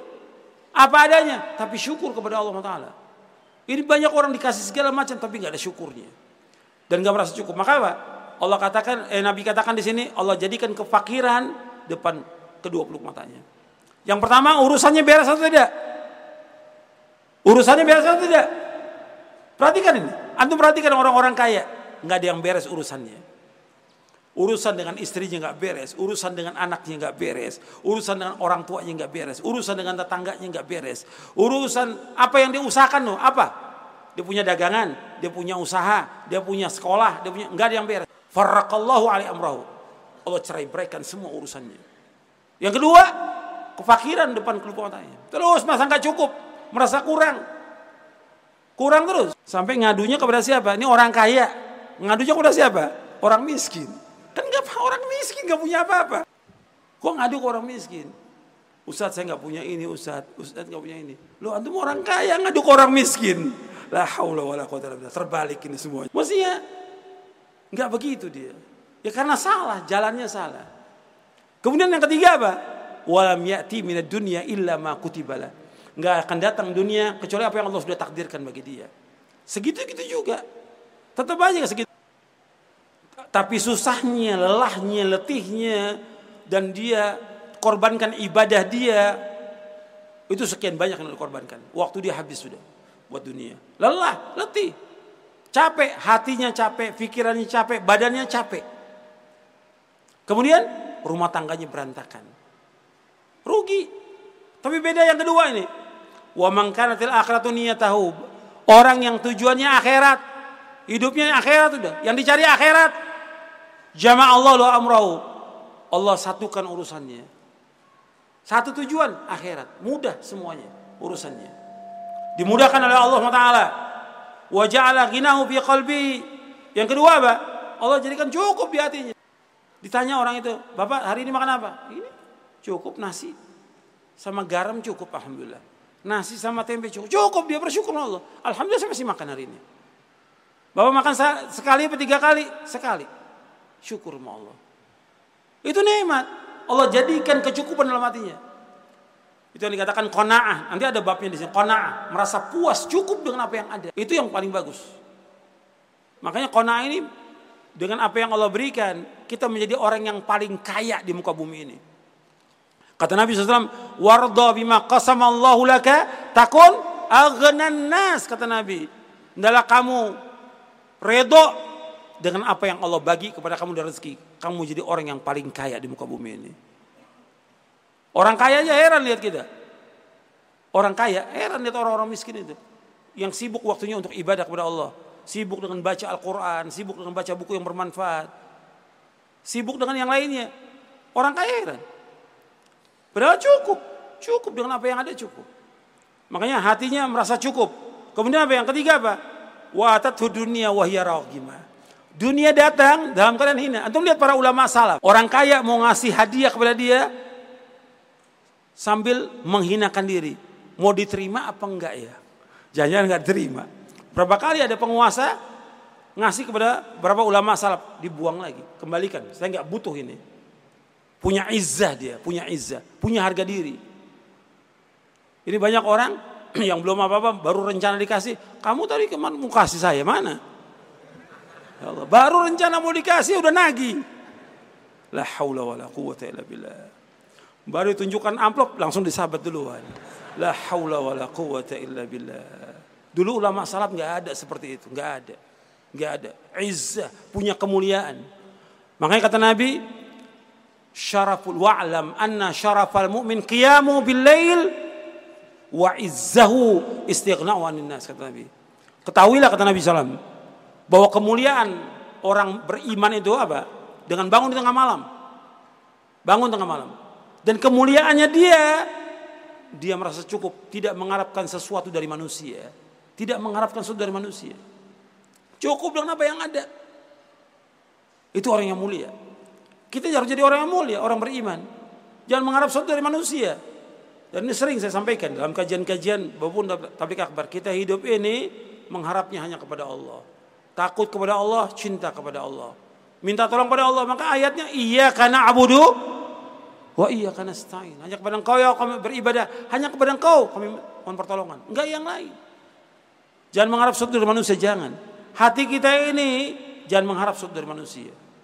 Hati kita cukup mengharap hanya kepada Allah saja. Jangan mengharap. Orang manusia semuanya fakir kok kepada Allah. Kok kita minta pada orang fakir? Manusia semuanya fakir atau tidak? Semuanya fakir atau orang kaya. Allah katakan fakir mereka semuanya. Mintanya hanya kepada Allah SWT. Anak Adam, antum lihat, mereka ini sudah tertipu dengan dunia. Nggak pernah puas. Terus menumpuk harta. Kalau dikasih satu lembah emas, minta kedua. Kalau dikasih dua, minta tiga. Sudah tiga, minta empat. Nggak pernah cukup. Itu anak Adam semua seperti itu. Dia sibuk dengan dunia. Makanya antum perhatikan bahwa kita ini sudah lalaikan oleh menumpuk-numpuk harta. Lalai sudah kita ini. Allah berfirman, "Alhaakumut takatsur hatta zurtumul maqabir." Bermegah-megah telah melahirkan kalian sampai kalian masuk ke dalam kubur. Sudah sibuk dengan dunia mengumpulkan harta. Sampai apa? Masuk liang kubur. Enggak ada yang dibawa. Sampai mereka mengatakan, "Yaqulu ibnu Adam mali mali wa halaka ya ibnu Adam malika illa ma akalta." fa'afnaita aw labista fa'ablaita aw tasaddaqta fa'amdait. Kata Nabi SAW, anak Adam berkata, hartaku, hartaku, hartaku. Wahai anak Adam, bukankah harta yang kau miliki tidak lain, melainkan apa yang kau makan, habis. Engkau kenakan laku usang. Dan apa yang engkau sedekahkan, itu yang tetap sampai di akhirat. Itu milik manusia. Yang dimakan, habis yang dipakai usang, kemudian harta yang disedekahkan itu. Kalau hartanya nggak disedekahkan, ini hadis sahih itu Muslim. Antum lihat di halaman 46 47. Kalau hartanya nggak disedekahkan, disimpan, diberikan mobil 10, 20, diberikan sawah, diberikan kebun, disimpan. Kalau dia meninggal, harta dia bukan itu. Hah? Bukan, bukan harta dia. Harta siapa? ahli waris. Yang milik dia yang hakiki yang dia sedekahkan. Maka jangan sibuk dengan menyimpan harta, sibuk sedekahkan. Ada sedikit sedekahkan, ada sedikit sedekahkan. Setiap hari itu. Cuma manusia tertipu dengan dunia, dia kumpulkan segala macam sudah. Seperti tadi saya sebut barang-barang antik dikumpulkan, harta dikumpulkan, segala macam dikumpulkan. Gak manfaat buat dia, di akhirat juga gak manfaat. Ini dia tidak zuhud kepada kepada dunia. Kemudian selanjutnya, kemudian hadis yang tadi saya bawakan di awal itu dalam mukadimah ada di halaman 48. Supaya antum lihat di halaman 48. tentang dunia ini manis dan indah. Nabi bersabda, "Inna dunya hulwatun khadirah wa inna Allah azza wa jalla mustakhlifukum fiha fayanzuru kaifa ta'malun. Fattaqu dunya wattaqun nisa fa inna awwala fitnati bani Israel kanat fin nisa." Sungguhnya dunia ini manis dan indah. Sesungguhnya Allah Azza wa Jalla menguasakan kepada kalian untuk mengelola apa yang ada di dalamnya. Lalu Allah melihat bagaimana kalian berbuat. Oleh karena itu berhati-hatilah terhadap dunia dan wanita karena fitnah yang pertama kali terjadi pada Bani Israel adalah karena wanita. Hadis sahih Muslim Ahmad dan Kemudian yang kelima ini manusia sangat cinta kepada harta dan panjang angan-angan. Allah menyebutkan dalam Al-Qur'an wa tuhibbunal mala hubban jamma dan kalian mencintai harta dengan kecintaan yang berlebihan dalam surah Al-Fajr ayat 20 Allah juga berfirman dalam surah Adiyat ayat 8 wa inna li hubbil khairi lasyadid. Sesungguhnya cintanya kepada harta benar-benar berlebihan. Dan hati orang tua menjadi muda dengan dua hal. Kata Nabi, qalbu syai syabun ala hubbi itsnain, tulul hayat wa hubbul mal. Hati orang tua renta senantiasa muda dalam mencintai dua perkara, hidup yang panjang dan cinta kepada harta. Hadis ini sahih Bukhari dan Muslim. Jadi orang tua meskipun sudah tua tetap dia tahu duit itu, tahu duit dia. Atau sudah sakit tetap si uang saya itu ada, uang ini sudah ingat duit dia. Yang kedua dia pengen panjang hidupnya. Dan orang-orang kafir Allah sebutkan dalam Al-Quran mereka ingin hidupnya apa? Lebih daripada seribu tahun. Tapi seribu tahun itu bisa nggak menghindari dari adab Allah. Tidak bisa. Dia ada di sini menjelaskan tentang apa? Tentang manusia ini sangat tamak kepada dunia. Dikasih satu lembah emas pengen dua. Kalau sudah dua pengen tiga. Dan nggak bisa menyetop dia kecuali mati. Saya baca satu hadisnya ya. Halaman 55. Kata Nabi, "Lau anna li ibni Adam wadiyan min dhabin la haba yakunu lahu wadiyani." wala walan yamla fahu ila turab wa yatubullah ala man tab. Sungguh seandainya anak Adam memiliki satu lembah dari emas, maka dia ingin mempunyai dua lembah emas dan tidak akan memenuhi mulutnya kecuali tanah. Kemudian Allah mengampuni orang-orang yang bertaubat. Sini nggak ada yang memenuhi mulutnya kecuali tanah. Artinya dia mati. Kalau sudah mati baru berhenti. Kalau belum mati terus, dia masih ingin punya punya harta yang banyak dan Allah akan menerima orang yang bertobat. Hadis ini sahih Bukhari. Tentang gambaran ajal ini juga saya sebutkan di halaman 57, 56, 57 bahwa manusia pada hakikatnya di, diiringi oleh ajal. Tapi angan-angan manusia melewati itu semua. Manusia ini dikelilingi oleh ajal. Pasti kematian itu akan datang. Dan Allah sebutkan kullu nafsin dha'iqatul. Setiap jiwa pasti akan pasti akan mati, tapi dia nggak ingat itu. Cita-citanya tinggi benar. Padahal ajalnya meliputi dia. Dan sebentar lagi dia mati. Dan kalau sudah mati akan dipertanyakan dia tentang apa yang dilakukan. Dan manusia selalu berbuat maksiat terus menerus manusia ini. Dengan hartanya itu dia terus berbuat dosa terus menerus. Bal yuridul insanu liyafjuru amama. Tapi manusia hendak berbuat maksiat terus menerus. Enggak sempat dia untuk taubat. Sekarang kita masuk yang keenam pandangan orang beriman dan berakal tentang dunia dan akhirat. Di sini semuanya antum sebagai orang muslim, sebagai orang beriman diajak oleh Al-Imam Ibnu untuk berpikir. Di sini disebutkan pandangan orang beriman dan berakal, iman dan berakal. Tentang apa? Tentang dunia. Karena dinamakan dunia. Dunia. Karena apa? Danaa wadania rendah. Hina. Nggak ada harganya dunia ini. Dikatakan dunia karena rendah. Hina. Nggak ada harga. Tapi manusia mengejar. Dan dunia ini Allah sebutkan mataul gurur kehidupan yang menipu. Dunia ini fana. Nabi menyebutkan dunia itu lebih jelek dari bangkai kambing Nabi SAW mengatakan juga bahwa dunia nggak ada harganya meskipun hanya seberat sayap nyamuk nggak ada harganya sama sekali. Dunia ini Nabi umpamakan seperti orang makan enak, kemudian setelah itu apa dia? Buang air, buang air itu perumpamaan terhadap dunia. Nabi udah berikan contoh-contoh yang seperti, tapi kenyataan masih ada orang-orang yang tidak meyakini tentang akhirat, sibuk dengan dunia, dan juga tidak berakal. Maka di sini diajak untuk berpikir oleh Imam Ibnu Qayyim. Cinta seorang seorang muslim tujuan hidupnya adalah akhirat, bukan dunia. Seorang muslim tujuan hidupnya akhirat, bukan dunia. Akhirat atau surga merupakan puncak cita-cita seorang muslim. Orang yang beriman dan berakal memandang dunia dan akhirat dengan sudut pandang yang benar. Cinta seorang kepada akhirat tidak akan sempurna kecuali dengan bersikap zuhud terhadap dunia Sementara zuhud terhadap dunia tidak akan terwujud melainkan setelah ia memandang kedua hal ini dengan sudut pandang yang benar.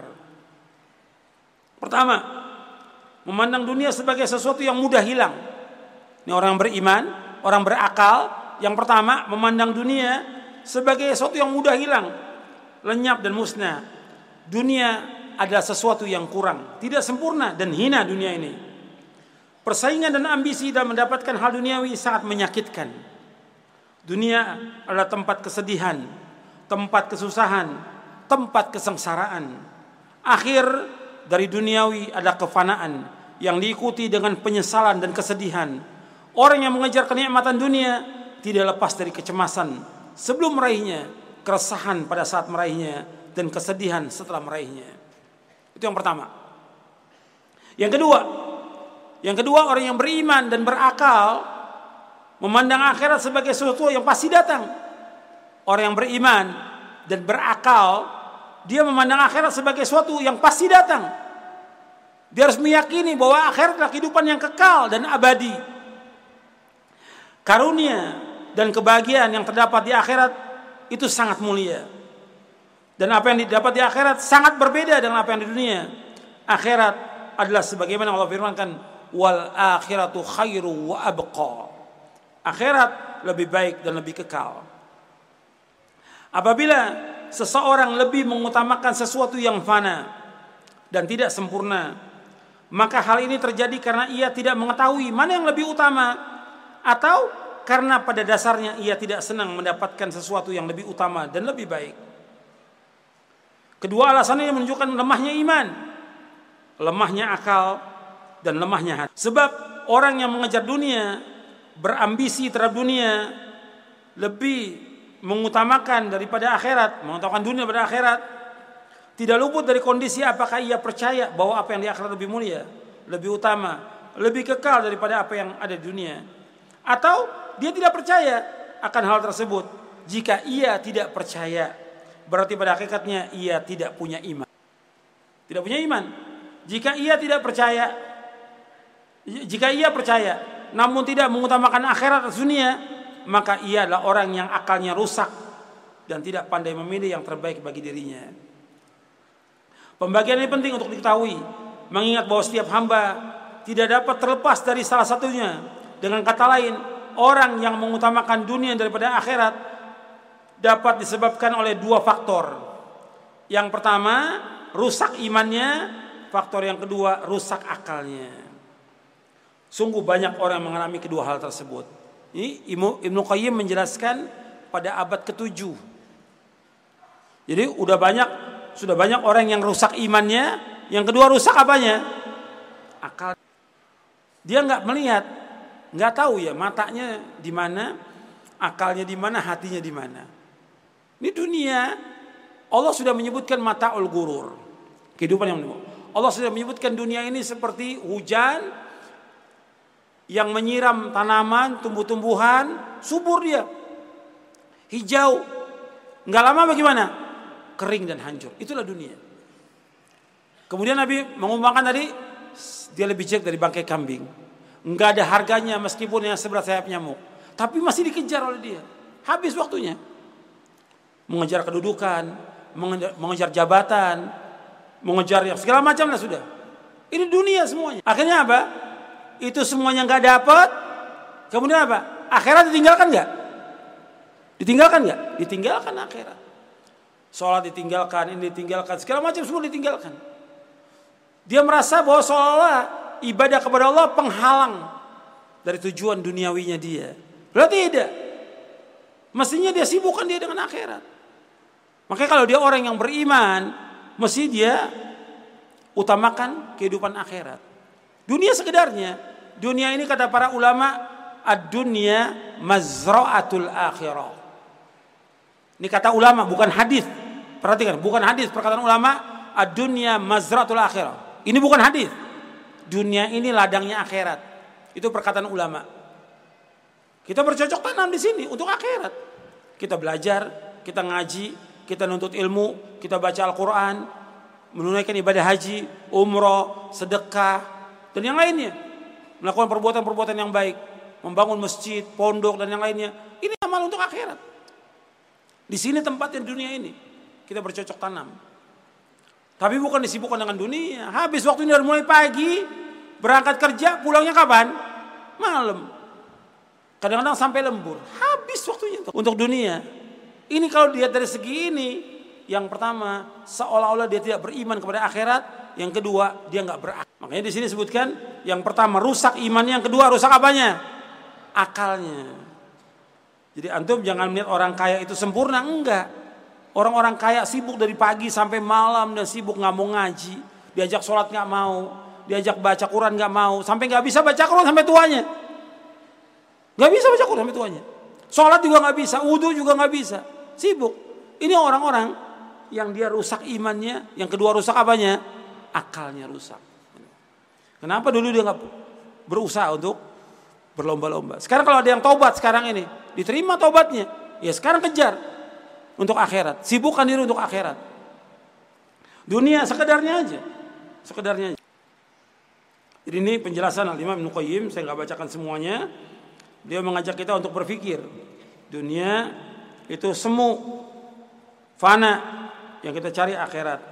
Juga Nabi menyebutkan, tuh perhatikan, bahwa Nabi menyebutkan bahwa Allah memiliki rahmat berapa?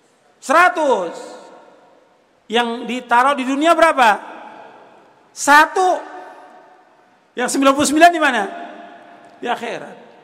Kalau orang yang ngejar satu, yang satu dikejar ini habis-habisan, berarti nggak waras akalnya. Nggak waras akalnya. Itu berapa hadis saya bawakan? Halaman 70 sampai selanjutnya itu. Bahwa Allah mempunyai rahmat 100 yang di buka bumi cuma satu aja. Dengan satu itu orang berkasih sayang. Hatta binatang buas kepada anaknya kasih sayang. Orang kafir juga dengan anaknya kasih sayang. Dengan orang tuanya kasih sayang. Satu yang Allah turunkan. Semua berkasih sayang. Satu rahmat. Yang 99 yaitu di akhirat. Yang kita kejar yang 99. Satu rahmat ini untuk apa? Untuk kita bercocok tanam untuk kita. Tetap melakukan satu rahmat ini untuk melakukan ibadah kita kepada Allah dengan sempurna. Satu rahmat ini. Yang ketujuh, cinta dunia merupakan sumber dari kesalahan, dosa dan merusak agama. Cinta dunia merupakan sumber dari kesalahan itu dosa dan merusak agama. Ini saya sebutkan dari penjelasan Al-Imam Ibnu Qayyim dalam kitabnya Uddatus Sabirin wa Dakhiratus Syakirin. Disebutkan banyak ini. Cuma enggak semuanya saya baca. Jadi orang mencintai dunia, sibuk dengan dunia, berarti dia mengagungkan dunia. Padahal dunia ini hina dalam pandangan Allah. Kemudian Allah mengutuk dunia, membenci dunia, melanat dunia. Begitu juga Ketiga, mencintai dunia berarti menjadikan dunia sebagai tujuan. Menjadikan amal dan ciptaan Allah yang seharusnya menjadi sarana menuju kepada Allah dan negeri akhirat berubah menjadi kepentingan dunia. Sehingga ia membalik persoalan dan memutar kebijaksanaan. Di sini dua persoalan, menjadikan sarana sebagai tujuan, menjadikan amal akhirat sebagai alat untuk menggapai dunia. Ini perhatikan ini. Saya ingatkan kepada semua ini. Penuntut ilmu dan para dai, untuk perhatikan yang ketiga ini. Ya, cinta dunia merupakan sumber dari kesalahan dosa dan merusak agama. Tolong diperhatikan semuanya. Jangan tidur. Jangan tidur. Perhatikan, jangan ada yang main, jangan ada berbicara. Perhatikan. Mencintai dunia Berarti menjadikan dunia sebagai tujuan dan menjadikan amal dan ciptaan Allah yang seharusnya menjadi sarana menuju kepada Allah dan negeri akhirat berubah menjadi kepentingan dunia sehingga ia membalik persoalan dan memutar kebijaksanaan. Di sini ada dua persoalan. Menjadikan wasilah sarana sebagai tujuan. Yang kedua menjadikan amal akhirat sebagai alat untuk menggapai dunia. Tadi sudah saya sebutkan bahwa Allah menciptakan kita untuk apa? Ibadah. Dengan kita ibadah kepada Allah, dengan kita taat kepada Allah, dengan kita beriman kepada Allah, dengan kita beramal soleh kepada Allah, maka yang kita akan diberikan oleh Allah apa? Sorga. Maka ayat dalam Al-Quran banyak. Iman amal soleh, sorga. Iman amal soleh, sorga. Ratusan ayat dalam Al-Quran. Iman amal soleh, sorga. Allah sebutkan berulang-ulang dalam Al-Quran ratusan kali. Allah sebutkan supaya manusia punya tujuan bahwa hidupnya lah akhirat. Dunia ini sebagai sarana untuk menuju sekarang yang pertama di sini dua persoalan menjadikan wasilah sebagai tujuan dunia ini sebagai apa sarana menuju apa akhirat sekarang dibalik tujuan hidupnya untuk dunia dari mulai pagi sampai malam udah sibuk dengan dunia semua antum lihat yang dagang yang kerja yang catering yang dokter yang apa aja semua yang lihat dari mulai pagi sampai malam. Yang ada di kepalanya dunia. Bagaimana mencari keuntungan dunia. Semuanya. Sampai habis waktunya. Udah. Habis waktunya. Nggak ada waktu buat ngaji. Nggak ada waktu buat ibadah. sibuk dunia. Jadi seolah-olah yang dikatakan sibuk itu sibuk dunia. Padahal kalau kita lihat Nabi SAW dan para sahabat ya sibuk untuk apa? Akhirat. Sibuk dengan sholat, sibuk dengan zikir, sibuk dengan nuntut ilmu, sibuk dengan yang para ulama salaf sibuk dengan membaca kitab-kitab, menulis kitab, berdakwah. Ini kesibukan yang bermanfaat dan barokah. Bukan berarti nuntut ilmu, eh, bukan berarti mencari maisha tidak. Boleh, sekedarnya. Wajib bahkan mencari maisha itu wajib, tapi sekedarnya. Jangan habis waktu dia. Dari mulai pagi sampai malam untuk dunia. Ini banyak nih seperti ini. Dapat buka lagi usaha, dapat buka lagi usaha. Habis sudah waktunya. Itu yang terjadi. Jadi bagaimana dia untuk akhirat sekedarnya aja. Kalau ditanya, kok antum sibuk sama dunia? Saya juga ngaji Ustaz. Ngaji kapan? Kau tablik akbar aja ngaji. Supaya di absen sama Ustaznya, oh ini saya hadir. Tiap hari nggak pernah ngaji. Orang sibuk tiap hari. Dengan apa? Dengan baca. Dengan ibadah, dengan zikir kepada Allah. Sibukkan diri kita. Dan itu semuanya barokah. Karena Allah meminta kepada kita, luangkan waktumu sepenuhnya untuk apa? Untuk ibadah pada Allah. Rezeki pasti dikasih. Itu mukadimah tadi saya sebutkan. Yang kedua, ini yang berbahaya ini. Yang pertama sudah bahaya, yang kedua bahaya lagi. Menjadikan amal akhirat sebagai alat untuk menggapai dunia. Yang dia mestinya karena Allah. Dia ngajar karena Allah mestinya. Dia dakwah karena Allah. Enggak. Bagaimana dia ngajar dakwah untuk mendapatkan dunia. Hati-hati. Jangan boleh betul-betul. Jadi dia Sibuk dengan dunia. Artinya masih dia ngajar, dia nggak akan mau dia ngajar kalau nggak ada apa? Nggak ada duit. Sampai khutbah Jumat yang wajib dia harus khutbah, nggak mau. Amplopnya ada nggak? Kalau nggak ada amplop nggak mau datang dia. Bahkan kadang-kadang milih dulu. Oh ini kalau yang sini amplopnya gede. Jadi mesti tujuan dia buat akhirat. Akhirat jadikan dunia sebagai apa? Sebagai tujuan. Di sini sebut antum perhatikan. Perhatikan ini. Di halaman 74. Menjadikan amal akhirat sebagai alat untuk menggapai dunia. Ini enggak boleh. Mestinya dia mencari untuk akhirat. Dunia ini enggak ada harganya. Dulu, antum perhatikan. Dulu para ulama salaf mereka punya harta. Hartanya dihabiskan oleh mereka. Untuk apa? Untuk nuntut ilmu. Beli kuda, beli onta, beli tinta, beli semua alat-alat kertas sana nggak ada kertas dulu pelepah-pelepah kurma itu dipakai untuk apa untuk nulis kemudian disediakan eh, disimpan buat istrinya yang ditinggalkan dunia apa hartanya dipakai buat apa untuk talabul ilmi. Habis sudah. Kalau sekarang tidak. Dia nuntut ilmu, dia belajar, dia dakwah untuk mendapatkan apa? Dunia. Kalau dulu enggak, dihabiskan dia buat akhirat. Sekarang enggak, untuk mencapai dunia. Ini kehinaan. Enggak boleh. Diperbaiki lagi niatnya dia. Bukan nggak boleh kalau ada yayasan memberikan kepada dia atau orang kaya memberikan boleh dia terima boleh. Tapi bukan itu tujuannya dia, bukan. Dia harus berdakwah karena Allah. Ini penting ini. Ini nasihat untuk para dai nasihat. Coba antum merenungkan kembali apa saya ini kok seperti ini? Kok saya ngajar dakwah kok untuk mencari harta sebanyak-banyaknya?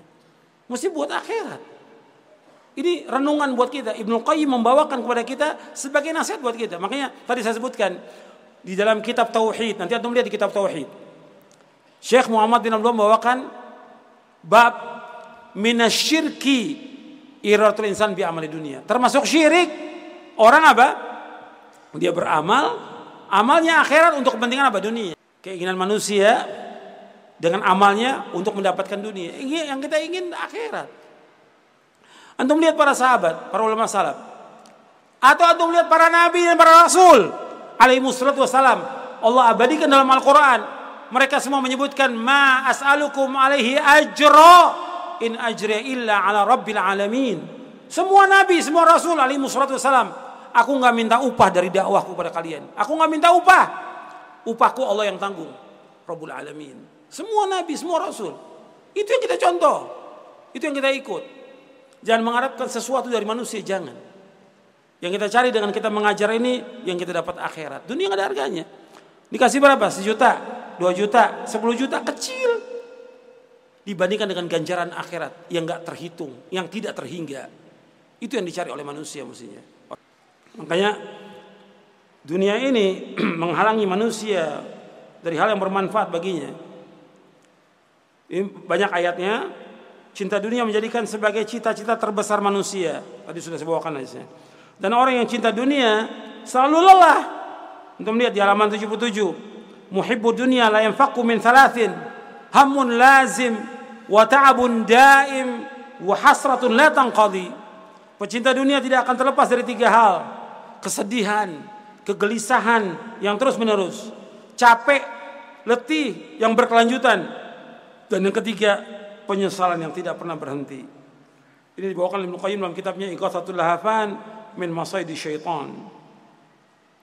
Dan orang yang beriman dengan iman yang benar dan berakal waras, maka ia tidak cinta kepada dunia dan tidak mau disibukkan dengan dunia, tidak suka dengan kedudukan dan jabatan.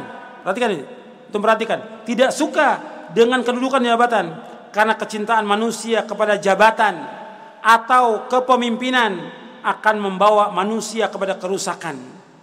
Syekhul Islam Ibnu Taimiyah rahimahullah berkata, yang demikian bahwasanya cinta kepada kepemimpinan, kedudukan, jabatan merupakan sumber kejahatan dan sumber kezoliman. Ini dibawakan dalam Majmu' Fatawa juz yang ke-18. Allah menyebutkan dalam surah Muhammad, "Fa'al asaitum in tawalaitum an tufsidu fil ardi wa tuqatti'u arhamakum."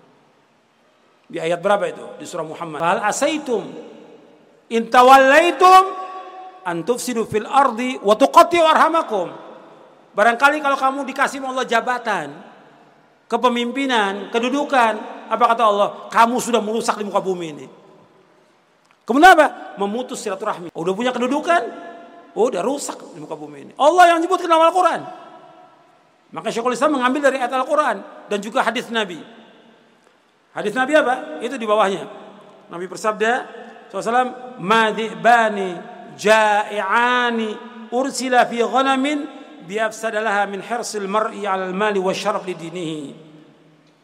Dua serigala yang lapar yang dilepas di tengah kumpulan kambing tidak lebih merusak dibandingkan dengan sifat rakus manusia terhadap harta dan kedudukan yang sangat merusak agama. Jadi dua serigala yang lapar kalau dilepas di tengah kumpulan kambing tidak lebih merusak dibandingkan dengan sifat rakus manusia dan harta dan kedudukan yang sangat merusak agamanya.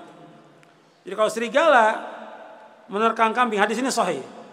Diriwayatkan oleh Tirmizi, Ahmad, Darimi dan yang lainnya. Sahih di sini. Kalau serigala menerkam kambing, dia makan sekedarnya dari kambing itu, ditinggal udah. Tetapi kalau manusia, semua dia manusia ini zolim, zolim, rusak udah agamanya. Dengan tamaknya dia kepada dunia, kepada kepimpinan, jabatan, itu lawannya dia kalau perlu dia bunuh oleh dia. Bukannya orang yang dibunuh, maksud saya bukan hanya lawannya aja dibunuh, istrinya juga, anak keturunannya juga dibunuh oleh dia. Itu jahatnya. Biasa orang kalau sudah kepengen kepemimpinan, semua lawannya dihancurkan oleh dia. Makanya antum hati-hati ini.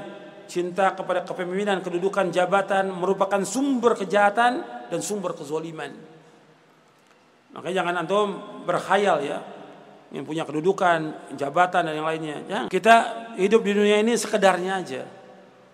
Nabi menyebutkan kita hidup dunia ini seperti orang asing dalam perjalanan atau orang musafir.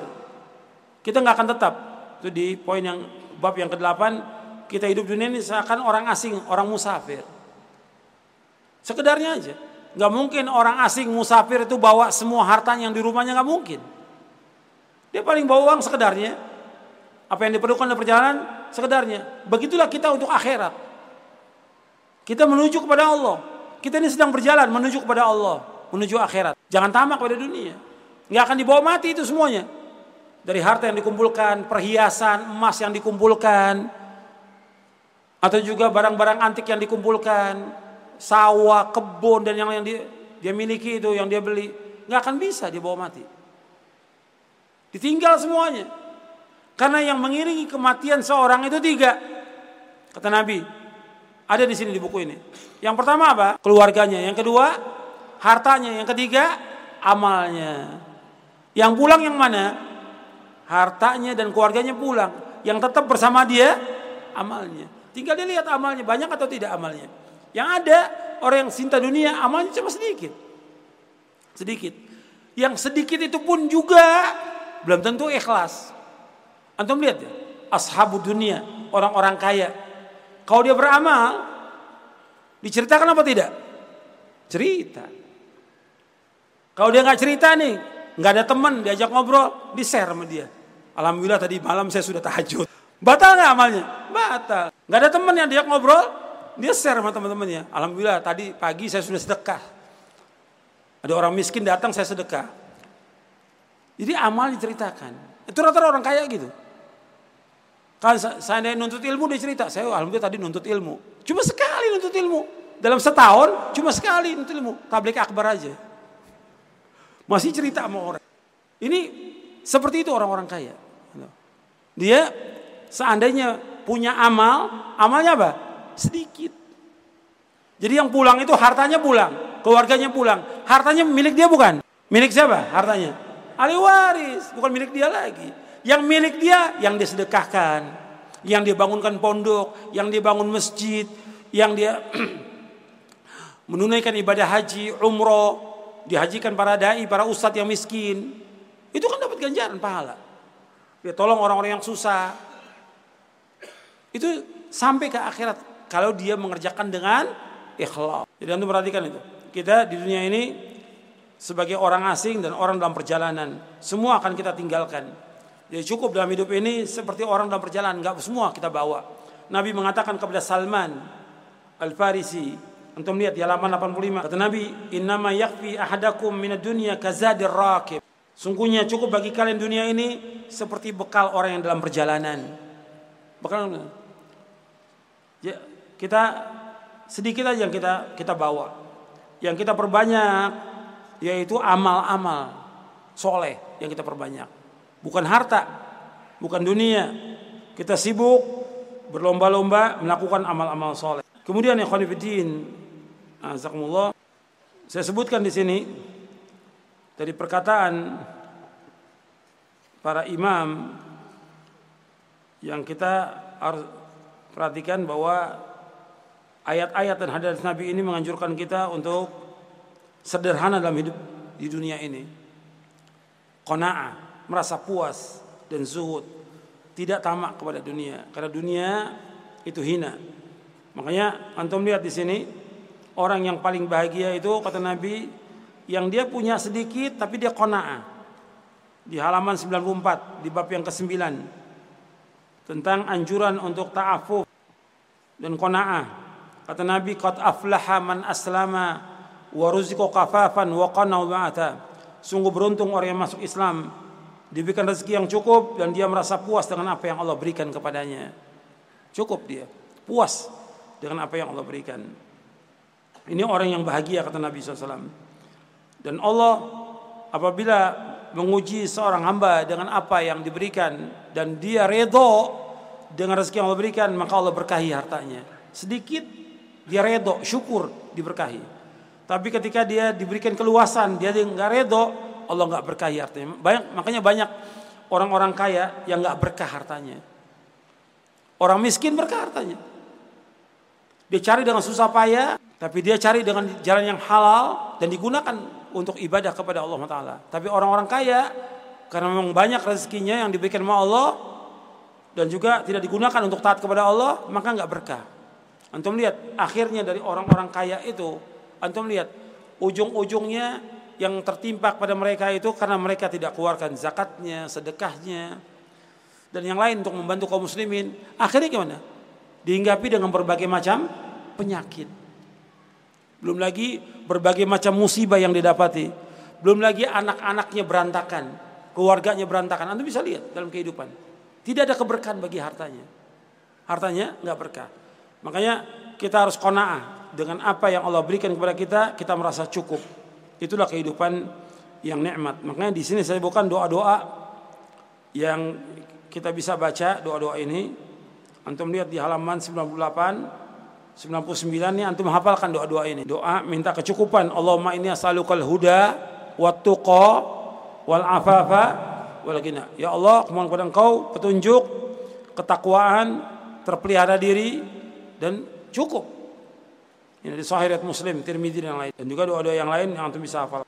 Kemudian yang terakhir yang perlu saya ingatkan di sini, yang terakhir, kita disuruh untuk zuhud kepada dunia, tidak tamak kepada dunia, Zuhud kepada dunia artinya meninggalkan apa yang tidak bermanfaat di akhirat. Zuhud kepada dunia artinya meninggalkan apa yang tidak bermanfaat di akhirat. Seperti umpamanya tadi saya sebutkan. Antum punya perhiasan yang banyak. Perhiasan ini kalau disimpan ya ada yang punya perhiasannya sampai satu kilo umpamanya disimpan manfaat gak di akhirat kalau itu dijual, disedekahkan buat fukara wal masakin atau dia bangun masjid atau yang lain, manfaat buat dia. Manfaat. Sekarang dia punya mobil. Ada mobilnya 10. Dipajang aja nggak kecuali kalau dia punya usaha rental lain. Ya. Ini bukan usaha. Dia taruh dia punya mobil nggak diapa-apakan. Sekedar untuk Seneng aja lihat mobil banyak. Gitu. Atau motor. Dia senang motor-motor lama ini. Motor-motor kuno senang. Ini kalau dijual mahal. Disimpan oleh dia. Manfaat atau tidak? Gak manfaat. Kalau itu dijual, manfaat. Bisa bangun masjid, bisa bangun pondok, bisa menghajikan dai-dai yang susah, bisa menolong orang-orang fakir miskin dan yang lainnya banyak. Jadi harus lihat, ini zuhud kepada dunia artinya meninggalkan apa yang tidak bermanfaat dia. Banyak juga orang punya sawah, punya kebun segala macam. Kalau kita bicara soal haji, haji wajib atau tidak? Wajib. Cuma sekali seumur hidup. Punya sawah, punya kebun, punya mobil, punya perhiasan, punya yang lain. Enggak wajib. Jual semuanya untuk apa? Untuk haji. Perhatikan itu. Haji wajib. Punya perhiasan, punya sawah, kebun gak wajib. Jual buat naikkan ibadah haji. Ya, meninggalkan apa yang tidak bermanfaat di akhir. Kemudian, ikhwan fillah, ini tentang zuhud juga panjang di buku ini. Jadi kita berusaha untuk zuhud terhadap dunia. Jangan tamak pada dunia dan juga jangan banyak yang disimpan. Simpan sekedarnya boleh. Untuk kita, istri kita dan kegunaan kita untuk makan, untuk keperluan kita dan yang lainnya boleh. Tapi kita menyimpan harta yang sekian banyak yang kita tidak gunakan akan ditanya oleh Allah di hari kiamat. Dan banyak orang-orang yang fakir, miskin, yang butuh kepada kita banyak sekali. Kemudian zuhud kepada dunia itu juga kita tidak disibukkan dengan dunia, tidak tamak kepada dunia. Yang kedua, si zuhud kepada apa yang di tangan manusia, nggak mengharap apa yang di tangan manusia. Kita nggak boleh mengharap apa yang di tangan manusia. Kita mengharap hanya kepada Allah. Jangan harap di tangan manusia. Maka orang akan cinta kepada kita. Itu zuhud kepada yang tangan. Nabi sebutkan dalam dalam hadisnya. Jadi izat fi dunia yuhibbukallah wa zat fi ma fi adinas yuhibbakan nas. Kemudian ya khonifidin asakumullah. Kebaikan generasi umat yang pertama para sahabat dengan apa mereka? Dengan zuhud dan dengan keyakinan. Sedangkan binasanya umat ini karena bakhil dan panjang angan-angan. Antum lihat penjelasannya dari sahabat Ibnu Umar di halaman 121. Salahu awwali hadil ummah bizuhdi wal yakin wa yahliku akhiruha bil bukhli wal amal. Baiknya generasi pertama umat ini dengan zuhud dan yakin dan binasa akhir umat ini dengan sifat bakhil, pelit, kikir dan panjang angan-angan. Kemudian ikhwan fillah Nabi Muhammad SAW itu ditawarkan untuk menjadi orang kaya dan juga menjadi nabi, menjadi rasul. Nabi nggak mau. Nabi ingin menjadi seorang hamba sekaligus Rasul. Antum lihat di, di halaman 126. Nabi ditawarkan oleh malaikat untuk apa? Dikasih apa? Kekayaan. Orang kaya, kekayaan dikasih sama Allah. Dan sebagai Rasul, seperti Nabi siapa? Nabi Sulaiman alaihissalam. Nabi nggak mau. Nabi ingin menjadi seorang hamba dan seorang Rasul. Itu hadisnya di halaman 126. Hadisnya sahih diriwayatkan oleh Imam Ahmad, Ibnu Hibban. Dan juga Nabi SAW mengatakan kepada Aisyah, antum lihat halaman 128. Nabi kepada Aisyah, "Fa wallahi law syi'tu la ajrallahu ma'i jibal adzab wal fiddah." Demi Allah, kalau seandainya aku mau dunia, maka Allah akan jalankan gunung emas dan perak untuk aku. Hadis ini sahih riwayat Imam Baihaqi dalam Syu'abul Iman. Artinya Nabi mengatakan kalau seandainya aku mau, Allah sudah jadikan tuh gunung emas dan perak untuk aku. Tapi Nabi nggak mau. Nabi mau hidup sederhana dengan apa yang ada. Dan Nabi pernah mengatakan kepada Umar bin Khattab ketika Umar mengatakan melihat Nabi bekas tidurnya itu ada bekas tikarnya di mukanya, Umar nangis. Kenapa kau nangis Umar? Aku lihat Persia Romawi. Betapa hebatnya mereka. Mereka punya istana dan segala macam fasilitasnya. Sedangkan engkau seperti ini tidur. Apa kata Nabi Muhammad SAW? Amatardo antakuna lahumud dunya akhirah. Apakah engkau tidak redo bagi mereka dunia, bagi kita akhirat? Makanya kita ini hidup untuk apa? Untuk akhirat, bukan untuk dunia. Dunia sebagai ladang aja untuk beramal. Sibukkan diri kita dengan amal-amal akhirat. Sibukkan berlomba-lomba untuk amal akhirat. Jangan sibukkan dengan dunia. Dunia nggak ada artinya apa. Ya sampai di sini.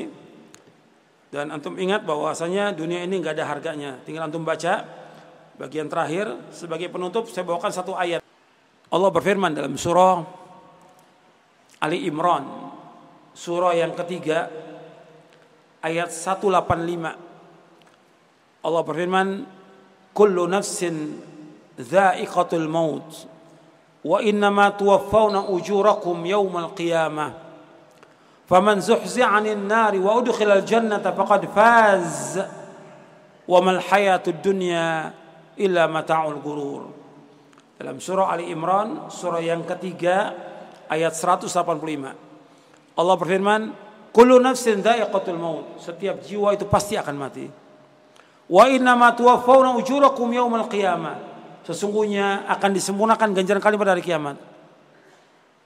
Faman zuhziya 'anil nari wa udkhila jannah faqad faz. Barang siapa yang dijauhkan dari api neraka, dimasukkan ke sorga, maka dia adalah orang yang sukses. Jadi sukses itu menurut Al-Quran, kalau dijauhkan dari api neraka, dimasukkan ke sorga, baru akan sukses. Kemudian yang terakhir Allah katakan wamal hayatud dunya illa mata'ul gurur. Dan tidaklah kehidupan dunia kecuali kehidupan yang menipu. Antum lihat di ayat ini ada empat poin. Yang pertama Allah katakan kullu nafsin Setiap jiwa pasti akan mati. Siapa aja dia? Apakah dia seorang ulama, seorang yang bodoh, penguasa, rakyat, orang kaya, fakir miskin, bapak, anak, ibu dan segala macam, semua pasti akan mati. Semua. Nabi-nabi semua meninggal dunia. Semua. Semua meninggal dunia. Kecuali satu nabi yang belum meninggal. Cuma satu aja. Karena ada tugas dia dari Allah untuk membunuh Dajjal. Siapa? Nabi Isa. Masih ada di langit, belum meninggal dunia. Semua nabi sudah meninggal. Satu belum. Kenapa? Ditugaskan oleh Allah Taala untuk membunuh Dajjal nanti di akhir zaman. Setelah bunuh itu baru meninggal dunia. Kemudian Allah menyebutkan wa inna ma ujurakum yang barang siapa yang jauhkan dari api neraka dimasukkan ke sorga. Sesungguhnya kalian akan disempurnakan ganjaran pada kiamat. Artinya ganjaran itu nanti di akhirat. Dunia ini sekedar yang dibalas. Orang berbuat kebaikan dibalas oleh Allah, tapi belum sempurna. Sama orang berbuat kejahatan dibalas sama Allah, dibalas, tapi nggak sempurna. Balasannya nanti berat, dikubur dan nanti di akhirat dimasukkan ke dalam neraka. Kezoliman-kezoliman itu dibalas, tapi belum sempurna. Kesempurnaan nanti di akhirat. Yang ketiga, Allah menyebutkan, "Faman zuhzi'a 'anil nari wa jannah faqad faz." Barang siapa dijauhkan dari api neraka, dimasukkan ke sorga, dia orang yang sukses. Jadi ukuran sukses perhatikan tuh. Kalau dia dimasukkan ke dalam sorga. Bukan dunia, bukan gelarnya sampai profesor, doktor, punya mobil yang banyak, punya usaha, punya jabatan, kedudukan. Bukan sukses. Itu semu semuanya. Sukses yang hakiki kalau dimasukkan ke dalam sorga. Antum lihat para sahabat, mereka adalah orang yang sukses. Kenapa? Allah jamin mereka semuanya dengan apa? Sorga. Wa kullan wa'adallahu husna. Semuanya kami jamin mereka dengan sorga. Sukses. Makanya yang kita ikut jejak generasi orang-orang yang sukses. Khairun nas sebaik-baik manusia itu para sahabat radhiyallahu ajmain. Kemudian yang terakhir yang keempat kata Allah wa mal hayatud dunya illa mata'ul gurur. Gak ada kehidupan sesungguhnya kehidupan dunia kehidupan yang menipu. Allah sudah katakan menipu, memperdaya. Semuanya kebohongan yang ada. Kebohongan yang ada. Maka jangan kita tertipu dengan dunia. Yang kita cari akhirat. Makanya antum jangan tertipu dengan dunia ini. Banyak orang tertipu dengan dunia. Lihat kondisi umat ini tertipu kita dengan dunia. Jangan. Tujuan kita akhirat. Bukan dunia. Jadi kita harus sabar dengan cobaan, ujian yang ada di dalamnya. Untuk kita raya apa? Akhirat. Maka Nabi selalu memberikan penjelasan-penjelasan kepada para sahabat. Amal-amal itu dengan apa? Dengan sorga. Nggak ada Nabi iming-iming dengan dunia, nggak ada. Seperti sahabat Ansor. Bayat kepada Nabi yang terkenal dengan Bayatul Aqobah. Satu dan dua.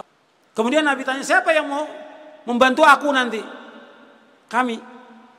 Siapa yang melindungi aku nanti? Kami para sahabat. Terus kata mereka, mereka tanya, kalau kami melindungi engkau ya Rasulullah, membantu engkau, apa ganjarannya? Apa balasannya? Sorga. Enggak mereka enggak minta, kalau engkau sudah jadi pemimpin Rasulullah, saya jadikan menteri dong. Enggak. Enggak minta jadi menteri mereka. Sorga. Antum lihat, sampai pembantu Nabi, Rabi'ah bin Ka'ab al-Aslami. Dia membantu Nabi. Kan namanya dia bantu Nabi, Nabi tawarkan, apa yang kau minta dari aku? Karena sudah bantu Rasulullah SAW. Apa kata dia? Mintanya bukan dinar, bukan dirham, bukan jabatan, bukan yang lain. Apa mintanya? Murafaqataka fil jannah. Aku minta pada engkau ya Rasulullah menemani engkau di sorga. Apa kata Nabi SAW?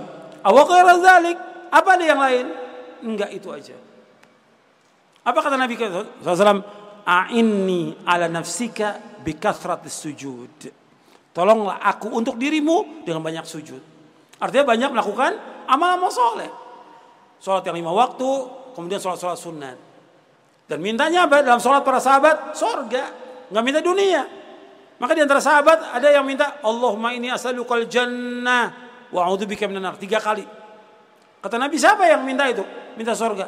Fulan ya Rasulullah haulaha dan di sekitar itulah kami minta. Tujuan hidup kami adalah sorga bukan bukan dunia. Dan berlindung pada Allah dari api neraka. Mudah-mudahan yang saya sampaikan bermanfaat. sampai sini yang bisa saya sampaikan kurang lebihnya saya mohon maaf. Antum tolong baca lagi bukunya dan pahami lagi kemudian kita berusaha untuk mengamalkannya agar kita tidak cinta kepada dunia.